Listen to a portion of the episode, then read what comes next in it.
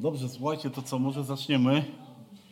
Tak widzę, że Maciek tak przygotowany z Biblią już w ręku, to może Maćku pomódl się na początek. Kochany nasz Zbawicielu, Panie, wdzięczni jesteśmy, Panie, że dajesz nam wszystko, co potrzeba, że okazujesz nam swoją cierpliwość, Panie, troskę każdego dnia. Boże, dziękujemy Ci za ten czas, kiedy możemy pochylić się, Panie, nad Bożymi sprawami, Panie, szukając Ciebie, Panie, e, szukając mądrości, Panie, nie tego świata, Panie, od Ciebie, Boże, za Ci, Panie, te słowa, które będziemy słuchać, Panie, uczynić z tego dobro w naszych sercach, Panie, abyśmy wykorzystywali to, Panie, dla Twojego królestwa, dla tego, aby pozyskiwać, Panie, dla Ciebie Twoje dzieci, Panie. Ale nie my, Panie, a Twój święty Duch, który ma moc przekonywać o grzechu, o pobożności, o sądzie, Panie, o wszystkim. Boże. W Twoje ręce ten czas, Panie, chcemy złożyć, Panie, prosząc, Panie, o Twoje, Twoją rękę, Panie, i nad sławnym, Panie, i nad naszymi sercami, Boże. Niech dzieje się we wszystkim Twoja wola, Panie, byś Ty był tym wywyższony. Amen. Dobrze, słuchajcie, to witam, witam bardzo serdecznie na drugim spotkaniu czymś, co tak szumnie nazwałem zarys historii Kościoła, choć tak jak powiedziałem, to tak naprawdę to nie jest zarys całej historii Kościoła, tylko to jest taki pewien pasek e, z, tego, e, z tej historii. E, Na początek chciałem rozdać takie skrypty, które mniej więcej mówią o tej pierwszej części, co robiliśmy. Tutaj bardzo dziękuję Anecie za to, że ona to tam przygotowała i skorygowała. Nie wiem, wydrukowałem 10 sztuk, nie wiedziałem ile nas będzie, więc jeśli ktoś chce, to można sobie wziąć. To jest, no można, jeśli ktoś będzie chciał, to ja to jeszcze przesłać, bo mam. Yy, I to mówię, to jest ta pierwsza część, o której sobie rozmawialiśmy, więc yy, ci, którzy byli, no to może o tym pamiętają, ci, którzy nie byli, no to mogą się zapoznać. Tak na początek chciałem tak króciutko przypomnieć w ogóle o czym rozmawialiśmy na tej pierwszej części. Więc ta pierwsza część to była pokazaniem takiego narodzenia i rozwoju Kościoła, tylko czy- chodzi głównie o ten Kościół w Imperium Rzymskim, ponieważ tak jak powiedziałem, no nie da się zrobić całej tej historii Kościoła, a ten fragment, którym się zajmujemy, no to jest ta, ten, ta historia Kościoła, która jakby dotyczy nas najbardziej, tego Kościoła rzymskiego, który miłościwie do dzisiaj nam, nam panuje w naszym kraju. Powiedzieliśmy sobie właśnie o narodzinach i rozwoju Kościoła, pokazaliśmy sobie jak wyglądały prześladowania w pierwszym Kościele, Yy, Troszkę sobie omówiliśmy prześladowców, zarówno jeżeli chodzi o Żydów, jak i o cesarzy. Yy, Popatrzyliśmy sobie na to, jakie fałszywe, z jakimi fałszywymi naukami od początku Kościół musiał, Kościół musiał się zmagać, bo pamiętajmy, że Pan Jezus powiedział, że no będą, będą te fałszywe nauki i jakby takim pierwszą rzeczą no to był ten żydowski legalizm, tak, pamiętamy, Żydzi przychodzą do chrześcijan z pogan i mówią, jeżeli się nie obrzezacie, jeżeli nie będziecie przestrzegać zakonu, to nie możecie być chrześcijanami. Później widzieliśmy arianizm, gnostycyzm i tak dalej, i tak dalej. Więc te wszystkie, te wszystkie nauki miały wpływ na Kościół.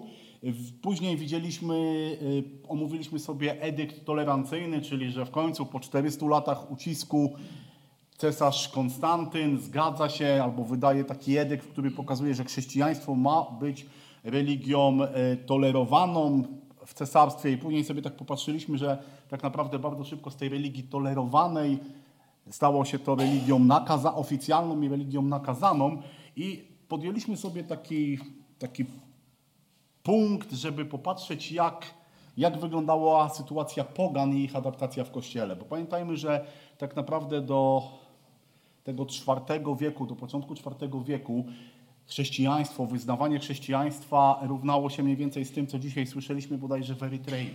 Że bycie chrześcijaninem oznaczało to prześladowania, oznaczało to yy, groźbę śmierci i tak naprawdę, jeżeli wyznawało się chrześcijaństwo, to było się człowiekiem narażonym na śmierć. Kiedy chrześcijaństwo stało się religią panującą albo nakazaną, tak jak powiedziałem, cesarz Konstantyn zaczął promować chrześcijan, więc bardzo często było tak, że bycie chrześcijaninem stało się wygodne.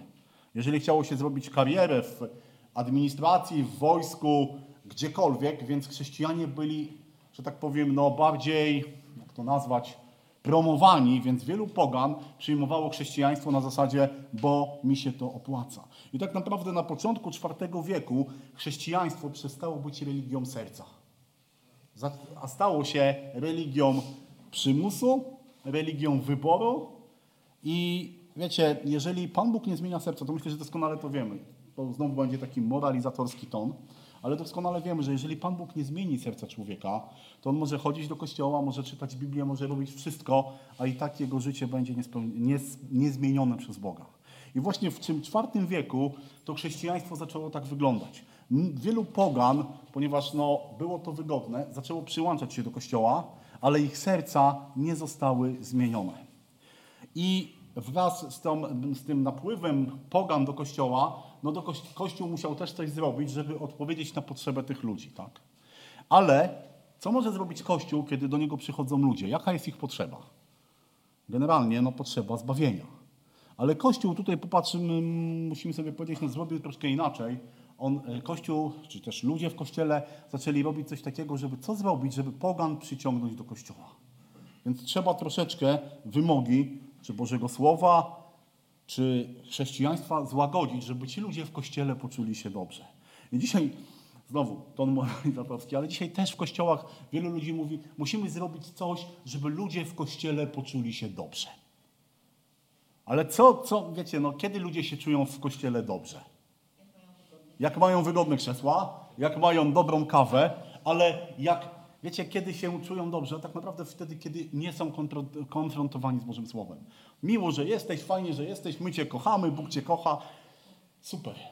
Ale Boże Słowo mówi, że owszem, miłość jest ważna, miłość braterska jest ważna, ale najważniejszą rzeczą w Kościele jest konfrontacja człowieka, każdego człowieka z Bożym Słowem.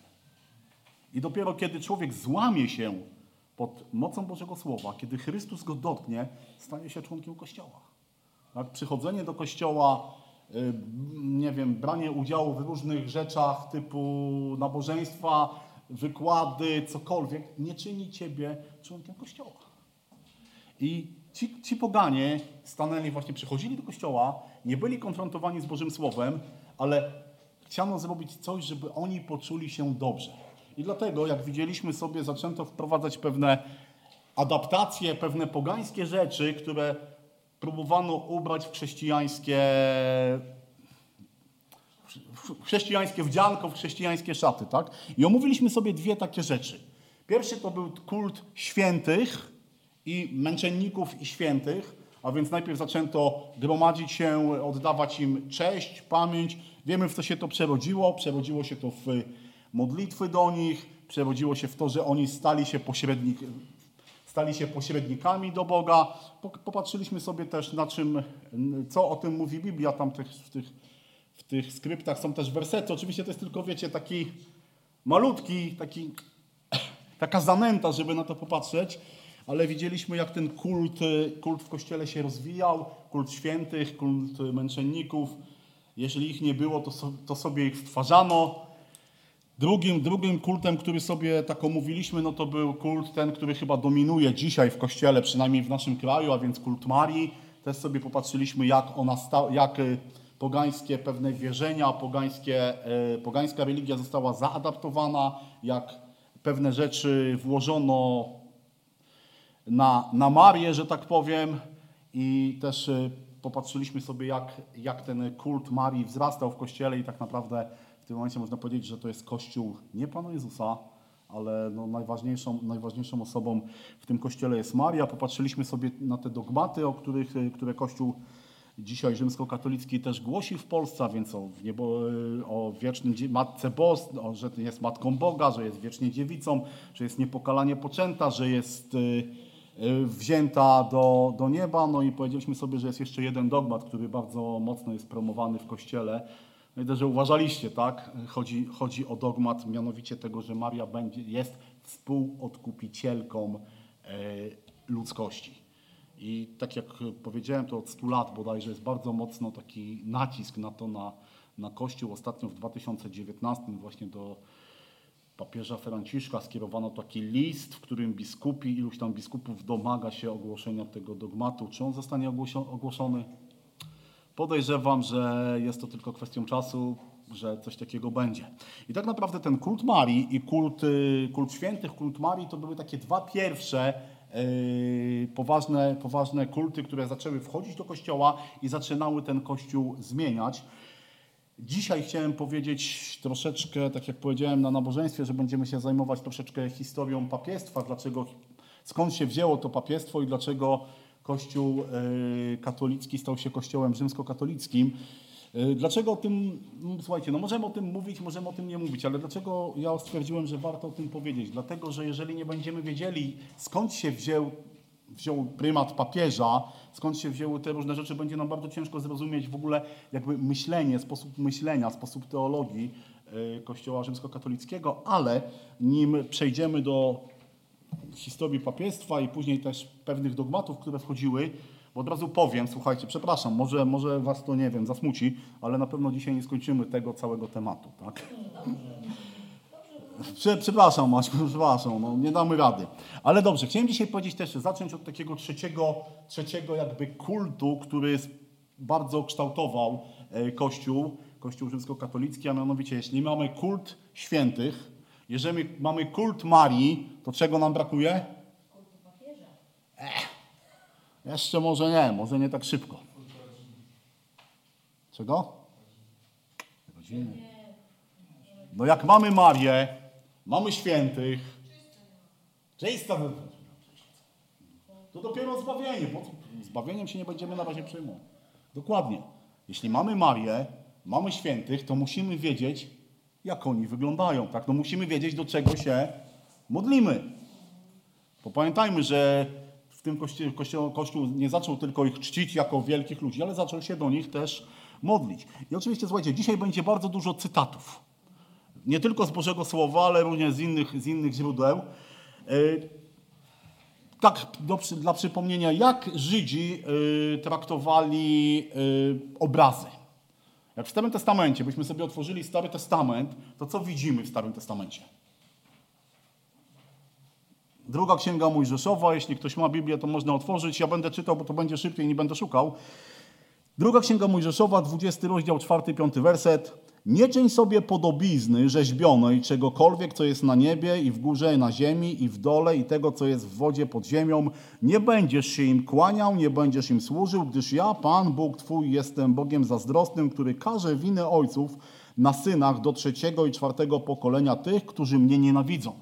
Pierwsza księga Samuela 15:23 Gdyż nieposłuszeństwo jest takim samym grzechem jak czary, a knąbrność jak bałwochwalstwo i oddawanie czci obrazom. Ponieważ wzgardziłeś rozkazem Pana, więc i On wzgardził Tobą i nie będziesz królem. A więc Stary Testament mówił bardzo jasno. Żydzi mieli zakaz, totalny zakaz przedstawienia postaci Boga i modlitwy do nich. Co więcej, Piąta Mojżeszowa, siódmy, siódmy rozdział, piąty werset i dwunasty rozdział, trzeci werset. Lecz tak z nimi postąpicie. To jest mowa do Żydów, którzy mieli wejść do Kanaanu. Ołtarze ich zburzycie, pomniki ich potłuczecie, święte ich drzewa wytniecie i ich podobizny rzeźbione w ogniu spalicie. Zburzycie ich ołtarze, potłuczecie ich pomniki, podpa- popalicie ich święte drzewa, porąbiecie ich podobizny rzeźbione i zetrzecie ich imię z tego miejsca. Bardzo jasny nakaz Bożego Słowa. Nie ma zgody na bałwochwalstwo i kiedy spotkacie się z kultem bałwochwalczym w Kanaanie, macie go wytępić. W Nowym Testamencie Dzieje apostolskie 17, 16. Czekając na nich w Atenach, obruszał się Paweł w duchu swoim na widok miasta oddanego bałwochwalstwu. I 19:26 to jest słowa, y, nie pamiętam jego imienia, chyba Demetriusza. Wie, wiecie też i słyszycie, że ten Paweł nie tylko w Efezie, lecz nieomal w całej Azji namówił i zjednał sobie wiele ludzi, mówiąc, że nie są bogami ci, którzy są rękami zrobieni. To była to sytuacja, kiedy Demetriusz, oni wytwarzali te świątynki Artemidy i nagle Paweł pojawia się, pojawia się chrześcijaństwo, które mówi, nie ma, nie ma zgody na kult obrazów, rzeźb, więc tracimy swój biznes. A więc widzimy, że chrześcijanie jakby w pierwszym wieku przyjęli to, co, co też y, no, mamy w Starym Testamencie, że było zdecydowanie prze, y, przeciwstawianie się kultom obrazów, posągów. Nie, ty- y, nie tylko, nie, nie chodzi nawet o oddawanie ich czci, ale po prostu o ich y, wizer, o ich wizerunki. I pamiętajcie, że w czasie, w czasie prześladowań chrześcijanie byli zmuszani do składania ofiary przed pogańskimi posągami. Tak? Chrześcijanie nie robili tego, ponieważ wiedzieli, że jest to dla nich obrzydliwością, że jest to obrzydliwością dla Boga przede wszystkim. Tak? Ale co, kiedy poganie zaczynają wchodzić do kościołów, oni są przyzwyczajeni, że ich w świątyniach, wiecie, chrześcijan, pamiętajcie, oskarżano o ateizm. Co to znaczy? To znaczyło, że nie czczą żadnego wid- widzialnego posągu Boga. I Wiecie, kiedy ci poganie przywiązani do swoich świątyń, do swoich posągów i tak dalej, i tak dalej, wchodzą do kościoła, to bardzo szybko zaczyna tego brakować. Więc w kościele bardzo szybko ten panteon, wiecie, no, ten panteon pogański odrzucono, ale stworzono nowy panteon. Maria, święci, y, Zdecydowano się na to, żeby przedstawiać ich wizerunki, żeby wstawiać ich do kościołów. Zdecy- Pozwolono też później na przedstawienie osoby samego Pana Jezusa.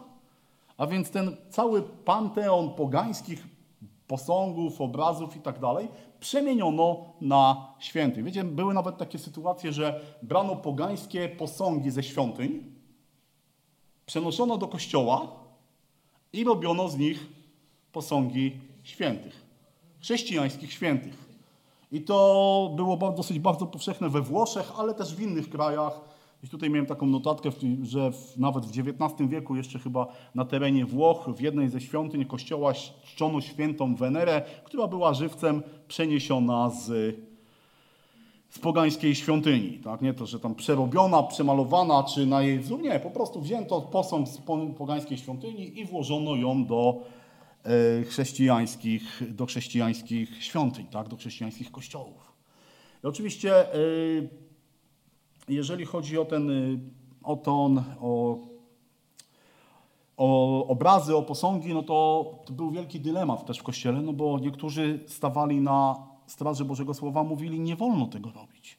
I były, wiecie, różne tam e, historie w historii Kościoła między różnymi ugrupowaniami, które się zwalczały, które się tam wpadali do tych kościołów, wyciągali te, e, burzyli, później tamci znowu i od tego, no dużo się działo i to mówię, nie jest to miejscem, jak ktoś będzie chciał sobie historię Kościoła dobrze, dobrze poczytać, no to, to znajdzie takie sytuacje, ale w końcu na Soborze w Nicei w 787 roku oficjalnie przywrócono kult obrazów, kult posągów z zastrzeżeniem, że nie chodzi o kult obrazu jako takiego, lecz o kult wizerunku, jaki przedstawia.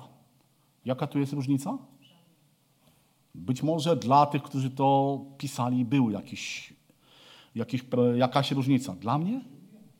Nie ma.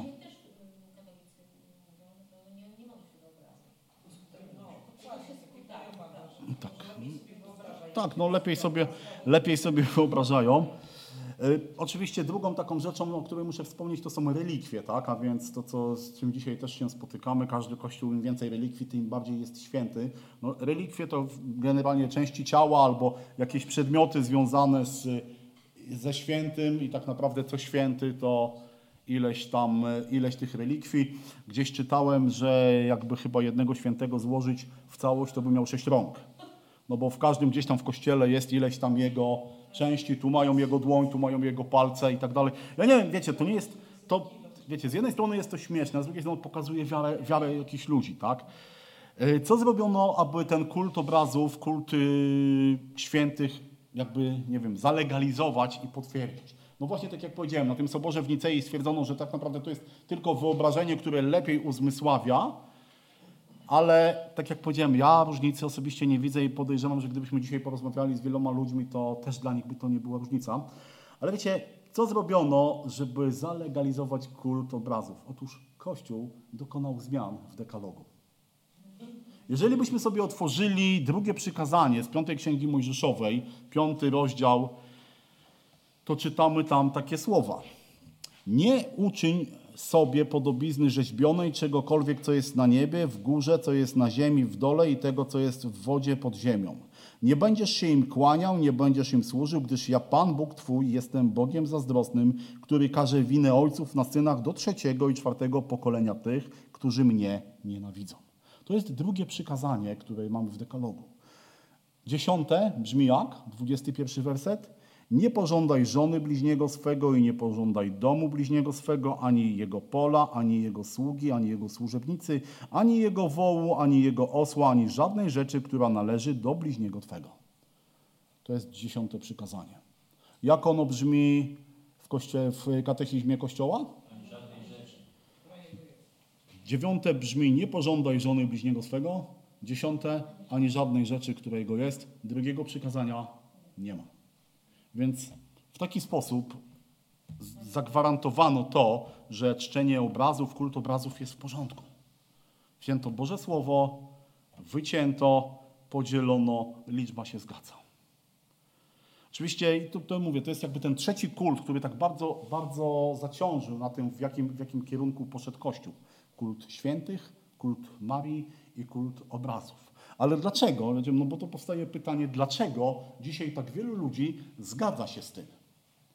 Dlaczego tak wielu ludzi, nawet czytając Biblię, porównując, dalej mówi, jest to w porządku? I żebyśmy to zrozumieli, no to musimy właśnie zająć się pewną historią. Ja wiem, że nie wszyscy lubią, ale no niestety bez tego, bez tego nie ma, nie ma jakby nie, jeśli nie zrozumiemy pewnych prawd historycznych, to nie, uz, nie uzmysłowimy sobie, dlaczego tak się dzieje. Jeżeli będziecie zmęczeni, to dawajcie znać, to będzie kawa. Yy, teraz taki kolejny punkt, narodziny Kościoła Rzymskokatolickiego, czyli od lokalnego zboru do papiestwa. Oczywiście, kiedy słyszymy Kościół katolicki, to z czym nam się to kojarzy? Z rzymskim. Pierwszy błąd, jaki generalnie robimy. Kościół katolicki to nie Kościół rzymskokatolicki. Dzisiaj, kiedy nawet rozmawiamy z ludźmi, mówimy, ja jestem katolikiem, to ja śmiało mogę powiedzieć, ja też jestem katolikiem. Ponieważ Kościół katolicki znaczy Kościół powszechny. A więc ten jeden powszechny Kościół założony przez Chrystusa. Natomiast można powiedzieć, pewien sposób Kościół rzymskokatolicki zaadoptował dla siebie tą nazwę katolicki i mówi, że jeśli Kościół katolicki to tylko Kościół rzymskokatolicki. Tak naprawdę, gdybyśmy datowo patrzyli, to do XI wieku nie możemy mówić o Kościele rzymskokatolickim. Tak naprawdę w XI wieku dopiero Kościół rzymskokatolicki stał się tym, czym jest. Wcześniej był Kościół katolicki. Ale musimy zacząć od początku, dlaczego w ogóle papież czy też biskup Rzymu stał się papieżem, głową kościoła i tak dalej, i tak dalej. Oczywiście tutaj musimy wrócić do historii, do początków kościoła. Na samym początku w Nowym Testamencie widzimy, że kiedy powstawały zbory, to w zborach powstawały też pewne, były powoływane pewne osoby, żeby pełnić pełne, pewne funkcje, tak? Wybieraj starszych, wyznacz starszych, niech oni prowadzą Kościół Boży. I jednym z takich tytułów starszego był, było słowo episkopos, czyli, jak wytłumaczyć na polski język, biskup. I tak naprawdę słowo starszy, biskup, ono było bardzo stosowane, bardzo zamiennie. W zborach powoływano starszych, którzy mieli pewne zadania, mieli dbać o naukę, o czystość itd., tak itd. Tak I biskup, a starszy było to pojęcie zamienne. I tak naprawdę dopiero w II wieku zaczęto e, rolę, jakby podkreślać szczególnie rolę jednego człowieka, nadając mu tytuł biskup. I wszyscy inni starsi, wszyscy inni episkop stawali się jakby jego podwładnymi. On jakby e, gwarantował, wiecie, to było bardzo dobre założenie, ponieważ kiedy były prześladowania, kiedy no, Kościół był atakowany z zewnątrz, ale pojawiały się też różne grupy od wewnątrz. Pamiętajmy, drugi, trzeci wiek to jest gnostycyzm. A gnostycy, co, co jeden gnostyk, to miał inne, lepsze spojrzenie na Kościół. Więc biskup zaczął być gwarantem prawowitej wiary. Więc nawet Klemens, taki biskup Rzymu, pisał gdzieś do jakiegoś zboru i mówi: pilnujcie tego, co uczy wasz biskup, bo jest to gwarancja pewnej wiary. Więc wiecie, można powiedzieć, założenie było słuszne, że musimy dbać o to, żeby była, yy, była prawdziwa nauka.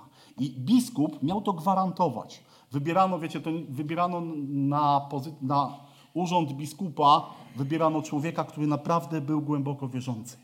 To nie było tak jak później, że kto zapłacił więcej, ten stał się biskupem. Tam wybierano naprawdę ludzi, którzy swoim życiem bardzo często y, składało składali świadectwo swojej wiary. na przykład biskup Rzymu, tak, dzisiaj, dzisiaj on ma, no, w kościele rzymskokatolickim powiedziano papież, ale wtedy jeszcze go nie, nie, nie tytułował się papież, ale biskup Rzymu Sykstus został zabity podczas sprawowania nabożeństwa. Więc biskupi nie tylko w Rzymie, ale w całym kościele byli gwarantami, mieli być gwarantami wiary. Oczywiście wiemy, że jeżeli całą ufność pokłada się na człowieku, no to może to, może to różnie, różnie wychodzić, bo później zobacz, będziemy widzieli i myślę, że wiemy w historii Kościoła, że, ta, że w pewnym momencie ci biskupi przestali paść trzodę, ale stali się po prostu paść siebie, no w pewien sposób, w pewien sposób tak. Zbór w Rzymie. Co możemy powiedzieć o zborze w Rzymie? No tak naprawdę najbardziej go znamy skąd?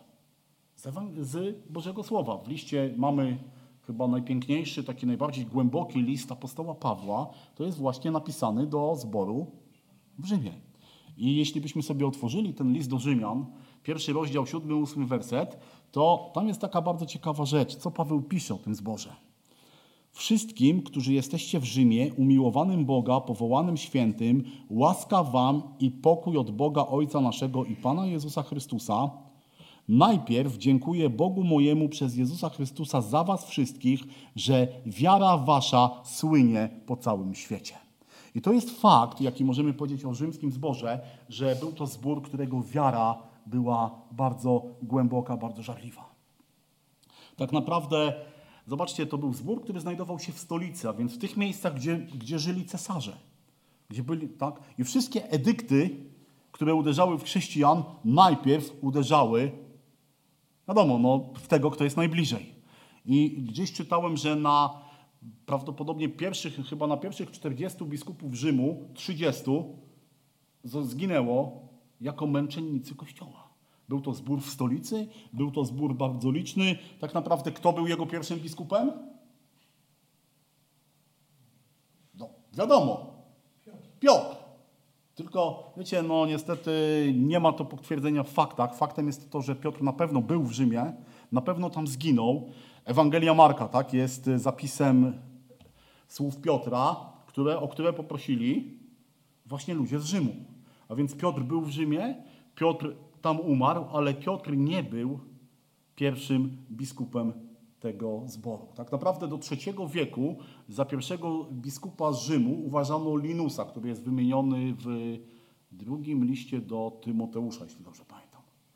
Ale wiecie, skąd w ogóle zbór w Rzymie się wziął? Też tego nie wiemy. Jedno wiemy, że tak naprawdę był bardzo szybko, Kościół w Rzymie powstał bardzo szybko.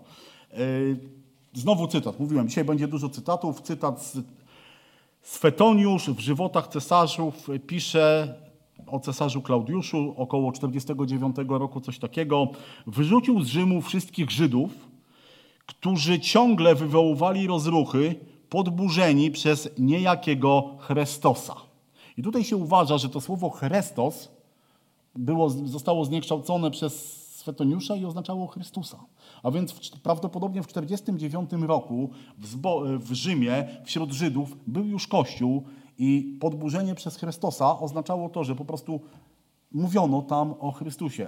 Jeśli dobrze pamiętam, y, Pryscylla i Aquilla byli właśnie ofiarami tego wyrzucenia Żydów z Rzymu.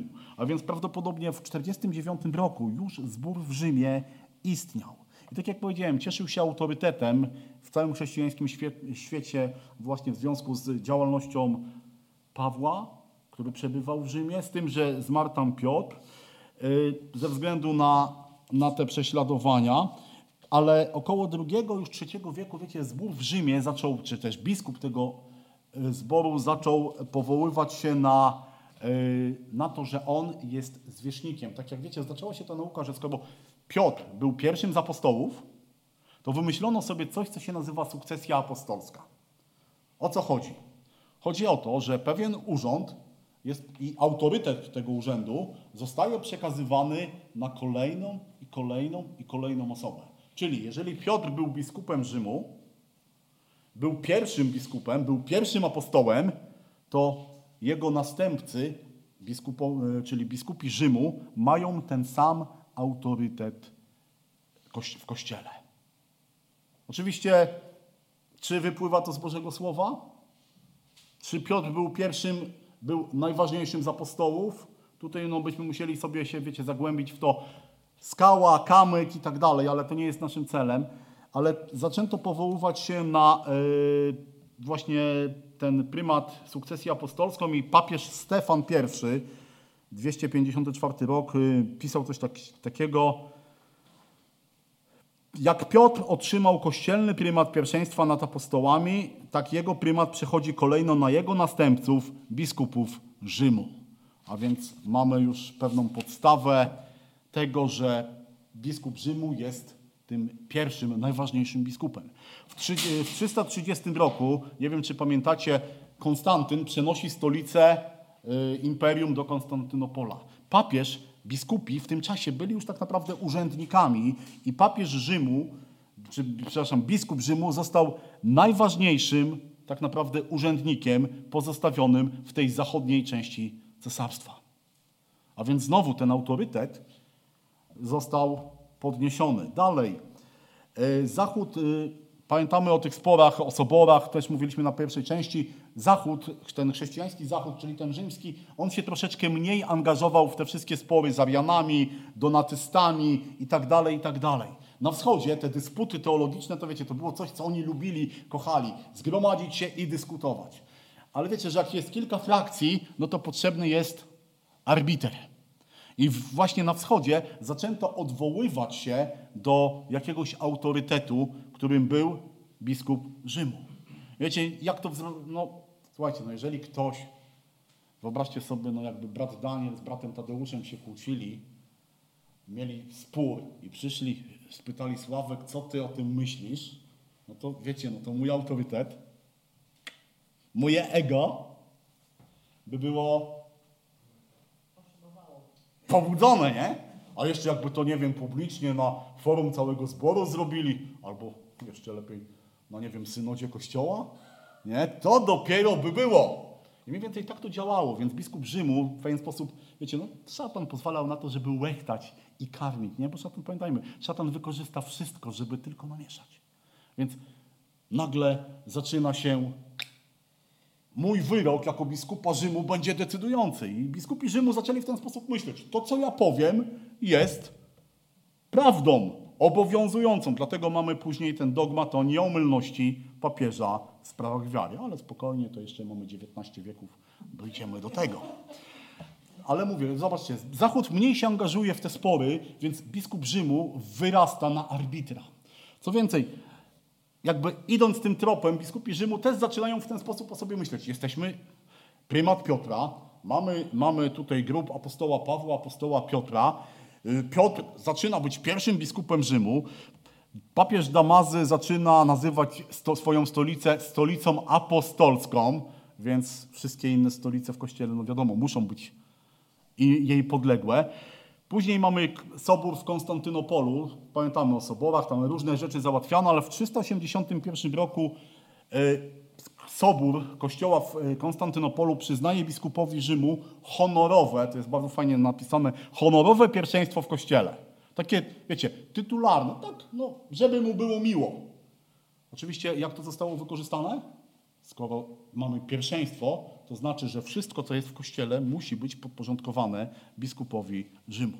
Dalej, y, ta sytuacja się ciągle rośnie, ponieważ no, w pewnym momencie cesarz, y, chyba Justynian, jeśli dobrze pamiętam, podzielił cesarstwo na dwa, na, stwierdził, że po prostu no, nie da rady sam tym wszystkim zarządzać, więc podzielił cesarstwo na dwie części. Wschodnią ze stolicą w Konstantynopolu i zachodnią ze stolicą w Rzymie. Oczywiście y, jeden, jeden z jego synów przybył do Rzymu, ale stwierdził, że pozycja papieska jest tak silna, że tak naprawdę przeniósł stolicę do Rawenny, w Rzymie został biskup. I jeżeli chodzi o tą wschodnią część imperium, tam wszystko było w porządku. Tam był cesarz, tam była władza, natomiast na tej zachodniej części było troszeczkę inaczej. Bo ponieważ ta zachodnia część imperium rzymskiego, czyli Rzym, Hiszpania, te tereny tutaj nam bardziej bardziej bliskie, były atakowane już od wielu, wielu lat przez barbarzyńców. I ci barbarzyńcy byli albo poganami, albo byli też chrześcijanami już, ale wyznania ariańskiego. Czyli czego nie uważali?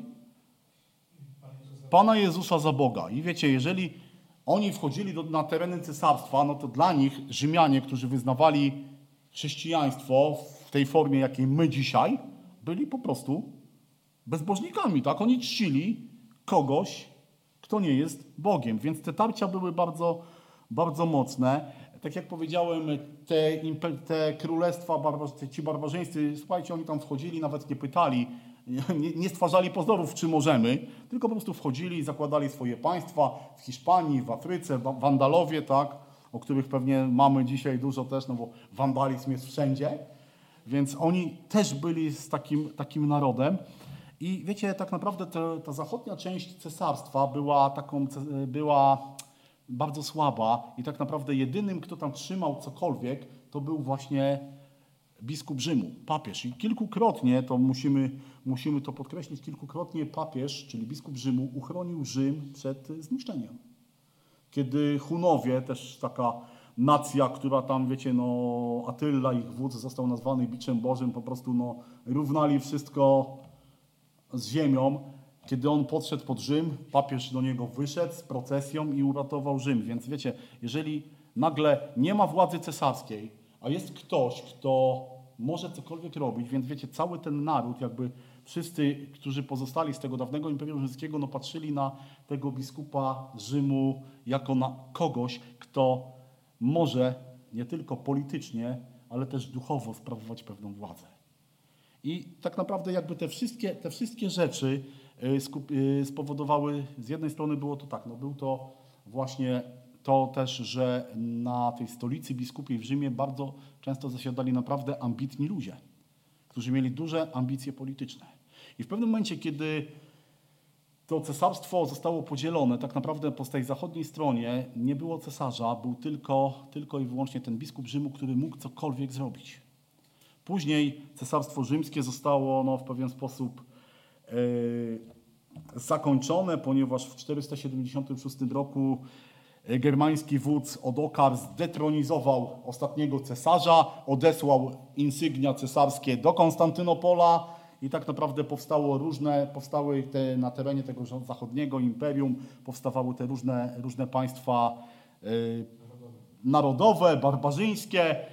Oczywiście ten wschód zaczął troszeczkę później ci cesarze ze wschodu, którzy ciągle uważali się za panów całego imperium, trochę tych ziem odzyskali, między innymi też Rzym, ale jakby ten, wiecie, to zostało, zostało zrobione w ten sposób, że nagle na zachodzie ci, którzy byli przyzwyczajeni właśnie do, do Rzymu, do rzymskiej kultury i tak dalej, tak dalej, no, nie mieli żadnego oparcia, co właśnie bardzo szybko zostało wykorzystane przez y, biskupa Rzymu. Oczywiście wiecie, nie możemy powiedzieć, że biskup Rzymu to był tylko taki, biskupi Rzymu to byli tacy ludzie, którzy robili tylko złe rzeczy, bo tak naprawdę musimy oddać, wiecie, no, cesarzowi co cesarskie, że no, Kościół w Rzymie przy, przyczynił się do też rozwoju chrześcijaństwa, tak? No, my jesteśmy, że tak powiem, dzisiaj pokłosiem tych misji, misji rzymskich.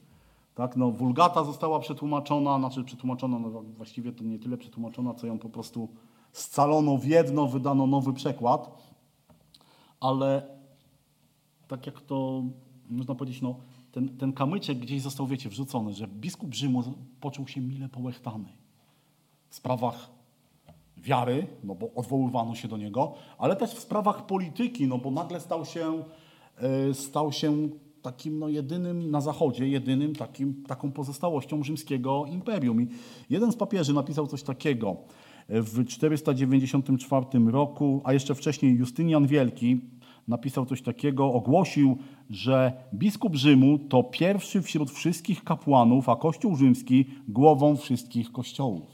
A więc no, troszeczkę tutaj weszło polityki, bo on potrzebował poparcia tego biskupa, więc dał mu takie rzeczy. Papież, y, inny papież Gelazy I mm, daje coś takiego, mówi, papież, y, on pisał, że władza papieża i władcy, czyli cesarza, nadana jest przez Boga, ale ponieważ na sądzie papież będzie odpowiadał za króla, to władza papieska jest ważniejsza, dlatego władcy powinni podporządkować się władzy i woli papieża. A więc zobaczcie, papież nie tylko y, rościł sobie władzę tą duchową, ale też władzę polityczną. Nie wiem, ile mamy czasu. Mów, bracie, mów. Mów, bracie, mów. Dobra, czekajcie. Przerwa. Nie chcesz przerwy, no to, to mów. Nie no, skończymy chociaż tą, ten Rzym. Dobrze, słuchajcie. Czyli mamy tak, jesteśmy w takim punkcie historii, punkcie, e, że papież, cesarstwo bizantyjskie jest na wschodzie, tam sobie nawet nieźle funkcjonuje. Tutaj ta część zachodnia jest taka no już strasznie e, podzielona wodę. Też, no, woda, woda życia. Dobra. Wracając do... No i mnie wybił teraz, no. Słuchajcie, brat Maciek to ostatnio w ogóle u mnie jest na, na, na, minusie. Ostatnio mnie wysłał, wiecie gdzie? Do czyśćca mnie wysłał. Cytuję jego słowa. To idź, bracie, do czyśćca. Później powiem dlaczego, ale... Dobrze, wracając do tej, do tej sytuacji, więc zachodnia część jest to taka podzielona, yy, tak, państwa narodowe, tak naprawdę anarchia, chaos. Na wschodzie jest spokojnie, tam cesarz wszystko trzyma w garści, nawet tego metropolitę, biskupa Konstantynopola, jak mu się nie podoba, to go zmienia. Bardzo często byli tacy patriarchowie Konstantynopola, którzy nawet trzy czy cztery razy, wiecie, wysiudał ich, wrócili, znowu ich wysiudał, znowu wrócili, ale to już powiedzmy ten wschód troszeczkę zostawiajmy. Na zachodzie, co się dzieje na zachodzie? Otóż w 568 roku na terenach Italii, czyli na terenach Włoch, a więc w pobliżu Rzymu, pojawia się takie germańskie plemię Longobardów. To jest, no pewnie i tak nazwę, nazwę zapomnimy, chociaż Lombardia może nam się kojarzyć, jeżeli ktoś był we Włoszech. I to plemię yy, bardzo szybko, że tak powiem, na terenie Italii robi swoje państwo, bardzo silne, z taką Rzym troszeczkę na- wzorowane na państwie rzymskim. Longobardowie są yy, Arianami, więc biskup Rzymu im stoi troszeczkę yy, kością w gardle. Oni oczywiście biskupowi, Rzym, biskupowi Rzymu również. Ale ponieważ no, ta sytuacja, mówię, biskup Rzymu coraz bardziej staje się takim władcą politycznym, zaczynają sobie przeszkadzać. I władca Rzymu musi znaleźć kogoś, kto pomoże mu w walce z tymi Longobardami. Ponieważ Bizancjum jest daleko i Bizancjum ma swoje problemy, papież musi szukać kogoś, kto będzie w miarę blisko i będzie mógł mu pomóc w walce z tymi, z plemieniem Longobardów. Jego wybór pada na na Germanów, a, bar- a inaczej mówiąc na Franków. Frankowie też takie germańskie plemię, które wtargnęło do Galii. Tam niewiele sobie robili z rzymskich władz, po prostu zrobili swoje własne państwo z własnym królem. Ten król z dynastii Morowingów, Merowingów, przepraszam, przyjął chrzest, a więc był chrześcijański, przyjął chrzest, że tak powiem, w obrządku katolickim, rzymskim, a więc stał się takim naturalnym sprzymierzeńcem papieża. Wiecie, tu już mamy ten okres, kiedy tak naprawdę o losie Kościoła zaczyna decydować polityka. Yy, Merowingowie później upadli, zastąpieni przez Karolingów. W wielkim skrócie Karolingowie to byli, byli majordomami, czyli tak naprawdę to był największy, najważniejszy urzędnik u Franków poza królem. Jeżeli ktoś był sprytny na tym y, stanowisku, to mógł zrobić coś takiego, że po prostu nagle z majordoma stał się królem. I tak uczynił właśnie e, Karol Młot, później jego syn Pepin Krótki. Wiem, że te, te nazwy są takie no, dla nas może, no ale wiecie, no historia to mój konik, więc muszę się podzielić takimi informacjami. Ale otóż Pepin Krótki e, zawarł sojusz z papieżem. E, zobowiązał się do tego, że e, będzie bronił niezależności niezależności biskupa Rzymu i wszystkie ziemie, które jakby wywalczy w, tym, w tej obronie, przekaże, król, prze, przekaże biskupowi Rzymu. I tak naprawdę to Pepin Krótki stworzył podstawy do tego, że powstało państwo kościelne. I słuchajcie, to państwo kościelne, no, zapomniałem laptopa, bo miałem mapę, ono istniało, że tak powiem, na mapie Europy do 1870 roku. Do, w 1870 roku dopiero państwo kościelne, które zajmowało naprawdę kawał, ładny kawał Włoch, zostało, zostało zlikwidowane. Taka nazwa. To były ziemie, które podlegały po prostu pod zwierzchnictwo pa, papieża. No tak naprawdę to była chyba tam prawie połowa, połowa Włoch, bo to różnie się tam kształtowało, nie? bo czasem papież podbił, czasem mu zabrali, no to... Ale chodzi o to, że zobaczcie, to był taki sojusz państwa z Kościołem. I Pepin Krótki dostał taki tytuł obrońcy wiary i tak naprawdę od tej chwili cesarze bizantyjscy przestają się liczyć na zachodzie, zaczyna się, y, f- zaczynają się Frankowie. Następca Pepina to był no, człowiek, o którym chyba sporo wiemy, mianowicie Karol Wielki. Tych wielkich było troszeczkę w tej historii każdego narodu, nawet u nas, tak, był Kazimierz, ale Karol Wielki był człowiekiem, który w pewien sposób przywrócił chrześcijanie, przywrócił ideę cesarstwa na zachodzie, bo on ko- koronował się w 814 roku na cesarza zachodu. A więc mamy wskrzeszenie cesarstwa, jest cesarz, jest biskup Rzymu, który gra tam pierwsze skrzypce i y, tutaj troszeczkę musimy popatrzeć sobie, jak, jakby, jak ta władza cesarska i papieska ze sobą się przenikała, walczyła.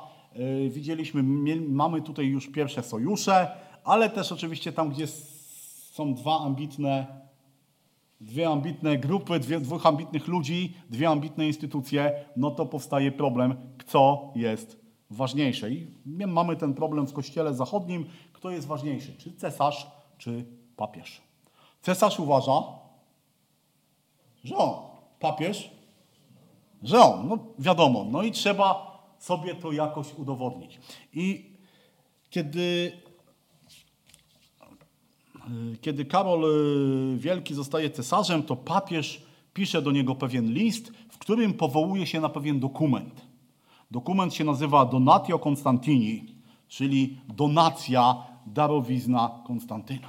I ten, ten dokument jest datowany według papiestwa na 315 rok, czyli na ten trzy lata po edykcie tolerancyjnym. I w tym dokumencie cesarz Konstantyn są dwie rzeczy. Pierwsza rzecz to Konstantyn opisuje, jak papież nauczał go wiary, jak nawracał Rzym i jak wyleczył cesarza z trądu. A druga część to nazywa się Donatio, gdzie Konstantyn nadaje papieżowi i jego następcom dobra i przywileje.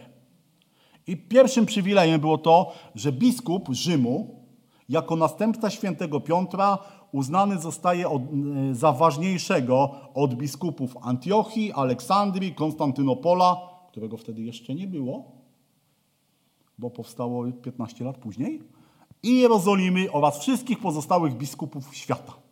Inna rzecz, papież otrzymuje te same insygnia, co cesarz, a więc może nosić purpurę, może nosić koronę.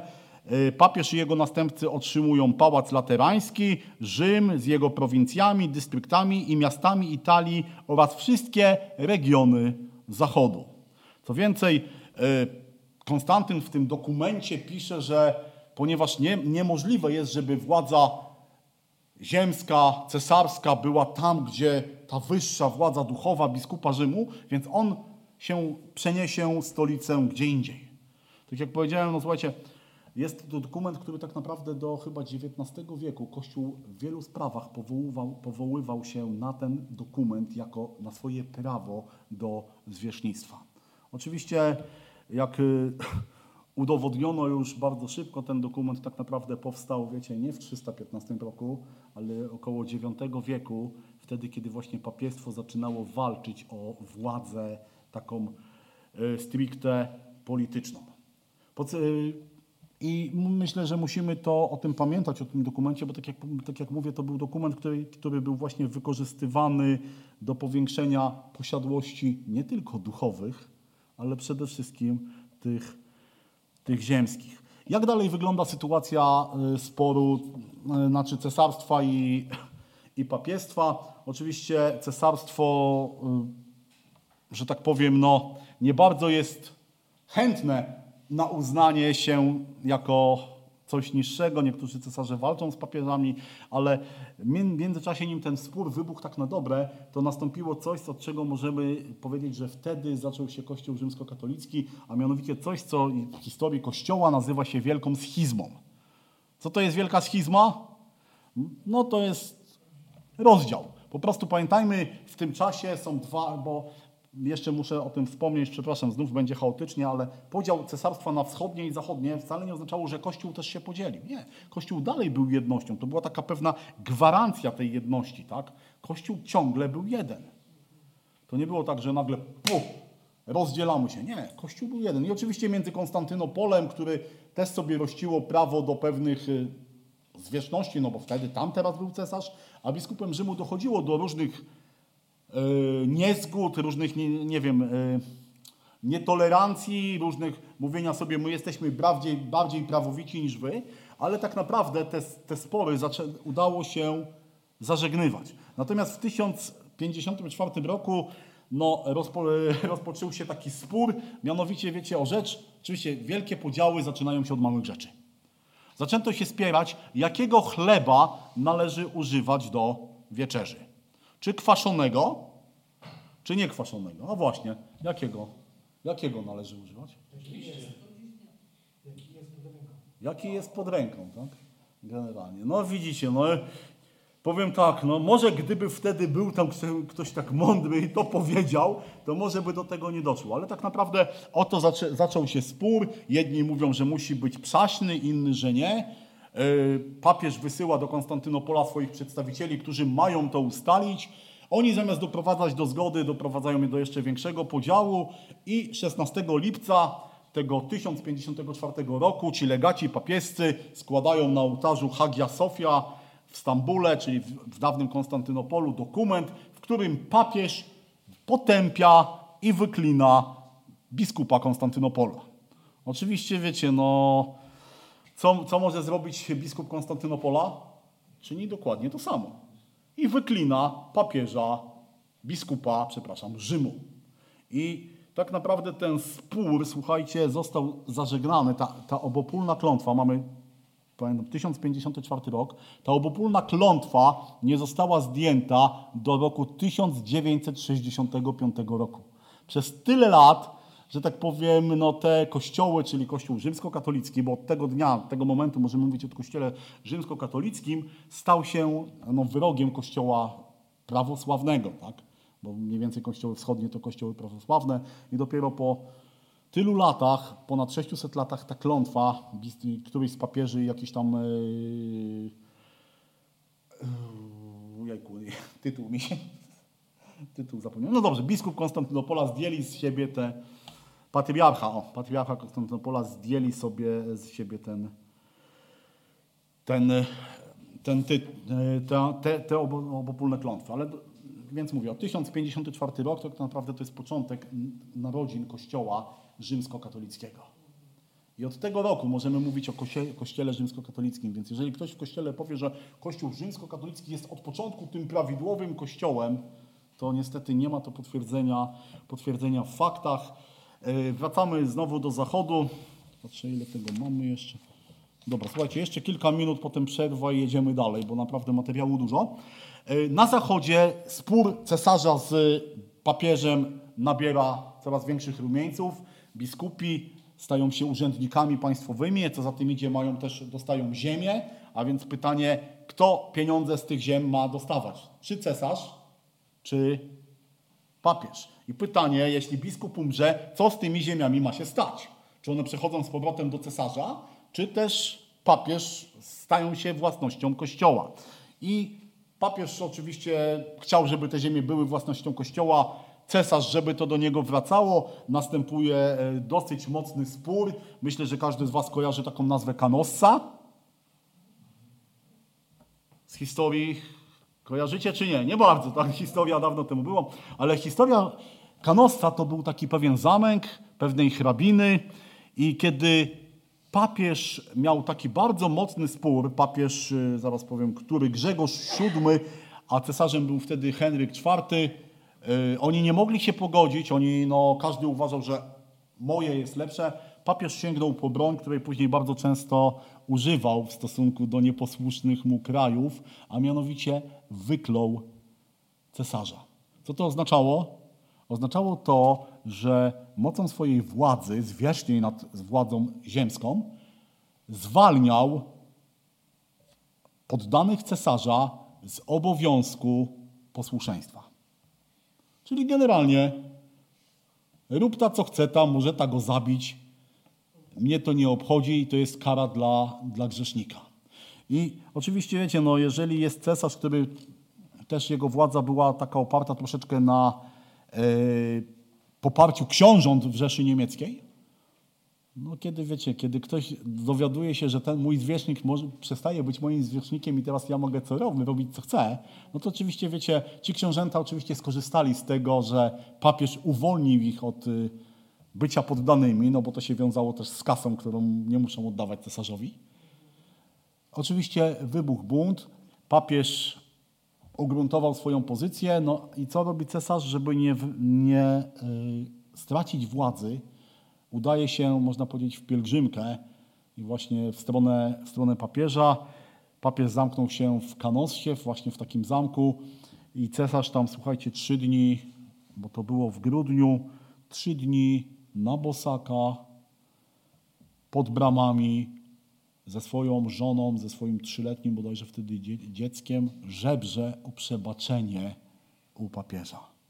Oczywiście no, po trzech dniach papież w duchu miłości zdejmuje klątwę, ale co no, pokazuje, że tak naprawdę najważniejszym, najważniejszą instytucją Zachodu staje się papież. Później mamy słynne wyprawy krzyżowe, które też, wiecie, no, yy, podnoszą prestiż papiestwa. No, wyprawy krzyżowe, które było, bodajże było ich siedem. Pierwsza z nich była no, ta, na tyle udana, że zdobyto Jerozolimę. Oczywiście w Jerozolimie co, się, co zrobiono, kiedy ją zdobyto? Wycięto wszystkich, co, co się poruszało, zostało zabite, no bo, bo tak, no bo tak, Bóg tak chciał, tak, no bo to było takie... Tak, Pan Bóg rozpozna swoich. Zabijajcie wszystkich, a Pan Bóg zobaczy, którzy są Jego. No, To bardzo często było to później w historii, w historii świata stosowane, w wojnach religijnych, tak, kiedy pytano, no Pan, ale słuchajcie, no przecież są ludzie, którzy są prawdziwie wierzący. Zabijajcie wszystkich, Pan Bóg się połapie, którzy są Jego. I wyprawy krzyżowe, mówię, no też podniosły jakby poziom y, znaczenia papiestwa. Oczywiście no, były też wielką tragedią, bo nie wiem, czy wiecie, że były tak zwane y, wyprawy krzyżowe dzieci, które stwierdzili, wpadł, y, nie wiem, ktoś wpadł na ten pomysł, że skoro rycerstwo nie mogło zdobyć Jerozolimy, no znaczy zdobyło ją, ale później utraciło i ponownie nie mogą jej zdobyć, to znaczy, że musi, musi, musi być kru- krucjata czystych serc. I setki tysięcy dzieci z Europy zostały, że tak powiem, wysłane na krucjatę. Oczywiście od tego czasu rynki niewolników w Stambule można było za bardzo, bardzo małe pieniądze kupić, kupić e, sobie, można powiedzieć, no, niewolnika z Europy. Czwarta krucjata też miała taki bardzo ciekawe, ciekawy przebieg, ponieważ no, chrześcijań, chrześcijańscy zdobywcy z zachodu stanęli pod Konstantynopolem, a więc pod Bizancjum, pod stolicą Cesarstwa Rzymskiego, przyszli jako sprzymierzeńcy. Co zrobili? Wybili wszystkich w Konstantynopolu i przez około 60 lat panował, łaciń, mówimy o łacińskim cesarstwie na terenie Konstantynopola. Ale wracając do, do cesarza, do, znaczy, przepraszam, do papieża, słuchajcie, tak naprawdę od czasów Grzegorza VII, a więc tego, który poniżył cesarza w Kanossie, y, papiestwo dążyło do osiągnięcia trzech rzeczy. Po pierwsze, politycznej zwierzchności nad całą Italią, czyli nad terenem Włoch. Druga rzecz, nieograniczone zwierzchnictwo nad całym Kościołem. I trzecia rzecz, zwierzchnictwo nad światem w takiej formie, aby wszystkie świeckie potęgi podporządko- podporządkować papiestw- papiestwu. A więc papiestwo zaczęło rościć sobie prawa do władzy nie tylko politycznej, ale też duchowej, absolutnej. Tak naprawdę jak zobaczymy za chwileczkę, w kościele rzymskokatolickim jest dogmat do dzisiaj, że trzeba podporządkować się, żeby osiągnąć zbawienie, trzeba podporządkować się komu? Chrystusowi? Nie. Rzymskiemu papieżowi. Dobrze, słuchajcie, dalszy rozwój papiestwa, może pomieńmy tam, jak tam to wzrastało, ale mniej więcej można powiedzieć, że w średniowieczu i później w renesansie no, papiestwo stało się instytucją typowo polityczną i tak naprawdę przez kolejne wieki papiestwo uległo takiemu całkowitemu zeświadczeniu. Tak naprawdę chyba nie było grzechu, którego papieże nie, w którym papieże nie mieliby udziału. Już pomijam to, że czasem jednocześnie panowało nawet trzech czy czterech papieży. No i pytanie, jak tutaj z tą sukcesją apostolską? Bo każdy z nich uważał, że on jest legalnie wybrany i nawet, słuchajcie, w Europie były podziały. Jedni się opowiadali za tym papieżem, drudzy za tym papieżem. I jakby taką, takim apogeum rozwoju papiestwa jest to, że 18 lipca 1870 roku, a więc całkiem niedawno, y, podczas pierwszego Soboru Watykańskiego ogłoszono dogmat o nieomylności papieża w sprawach wiary. Czyli to, co powie biskup Rzymu, to, co powie papież, jest obowiązującą doktryną wiary dla wszystkich chrześcijan. 1870, czyli XIX wiek. Czyli tak naprawdę, gdyby dzisiaj papież stwierdził, że ten głośnik jest Bogiem, to byłby Bogiem. Znacie, no ile tutaj by się pielgrzymek odbyło? Ale wracając, wracając do papiestwa, już kończąc, tak naprawdę Kościół katolicki nau, naucza, że papież jest zastępcą Chrystusa, ten jego napis Vicarius Dei i tak dalej, e, jest głową Kościoła, jest Ojcem Świętym i do zbawienia potrzebne jest podporządkowanie się rzymskiemu papieżowi. Bulla, bulla papieża Bonifacego VIII, 1302 rok, Postanawiamy, że święta stolica apostolska oraz biskup rzymski wykonuje swoją władzę nad całą kulą ziemską dalej, iż tenże biskup rzymski jest następcą świętego Piotra, prawdziwym zastępcą Chrystusa, głową całego Kościoła oraz ojcem i nauczycielem wszystkich chrześcijan. Tak to wygląda. Przerwę? Pięć minut. Nie jest, nie jest y, tam, bo niektórzy katolicy mówią o, o tym, że y, papież ta nieomylność dotyczy tylko i wyłącznie interpretacji pisma. Nie? No spraw wiary, tak, no in- interpretacji pisma.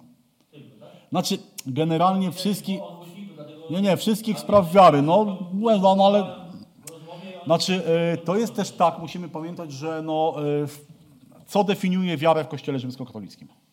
Jakie są podstawy wiary? Biblia i tradycja. Więc jeżeli w tradycji, w tradycji Kościoła było to, że ten głośnik jest Bogiem, to papież może to uznać. Ale to o tym, o tym troszeczkę później. Czyli to, że mówię, że odnośnie interpretacji pisma, to oni dobrze mówią, tak jest, tak? Yy, No, odnośnie interpretacji pisma, tylko że, znaczy, od, może inaczej, odnośnie interpretacji Słowa Bożego. Ale Słowo Boże to nie tylko Biblia. Dobrze, słuchajcie, 5 minut, nie wiem, kto chce kawę, herbatę, szybko. O papiestwie już właściwie możemy, możemy kończyć, bo przeszliśmy tak bardzo skrótowo przez całą tą historię. Jeżeli ktoś chciałby się lepiej zapoznać z historią papiestwa, no to e, służę literaturą, dużo tego jest i no powiem tak, nie jest to budujące. Więc myślę, że niektóre te książki z mojej biblioteki powinny być na takim chrześcijańskim indeksie ksiąg zakazanych. Y, Jeżeli chodzi o dalej papiestwo, no to tak naprawdę szczyt papiestwa przypada za pontyfikatu takiego papieża Innocentego III. On tak naprawdę y, potrafił podporządkować swojej woli całą Europę, wszystkich władców. Zaczął zbrojnie zwalczać heretyków. To jest to, Paweł, o tym przed chwilą rozmawialiśmy, ponieważ zaczęli pojawiać się ludzie, którzy mówią, zaczęli mówić, no ale Biblia mówi co innego.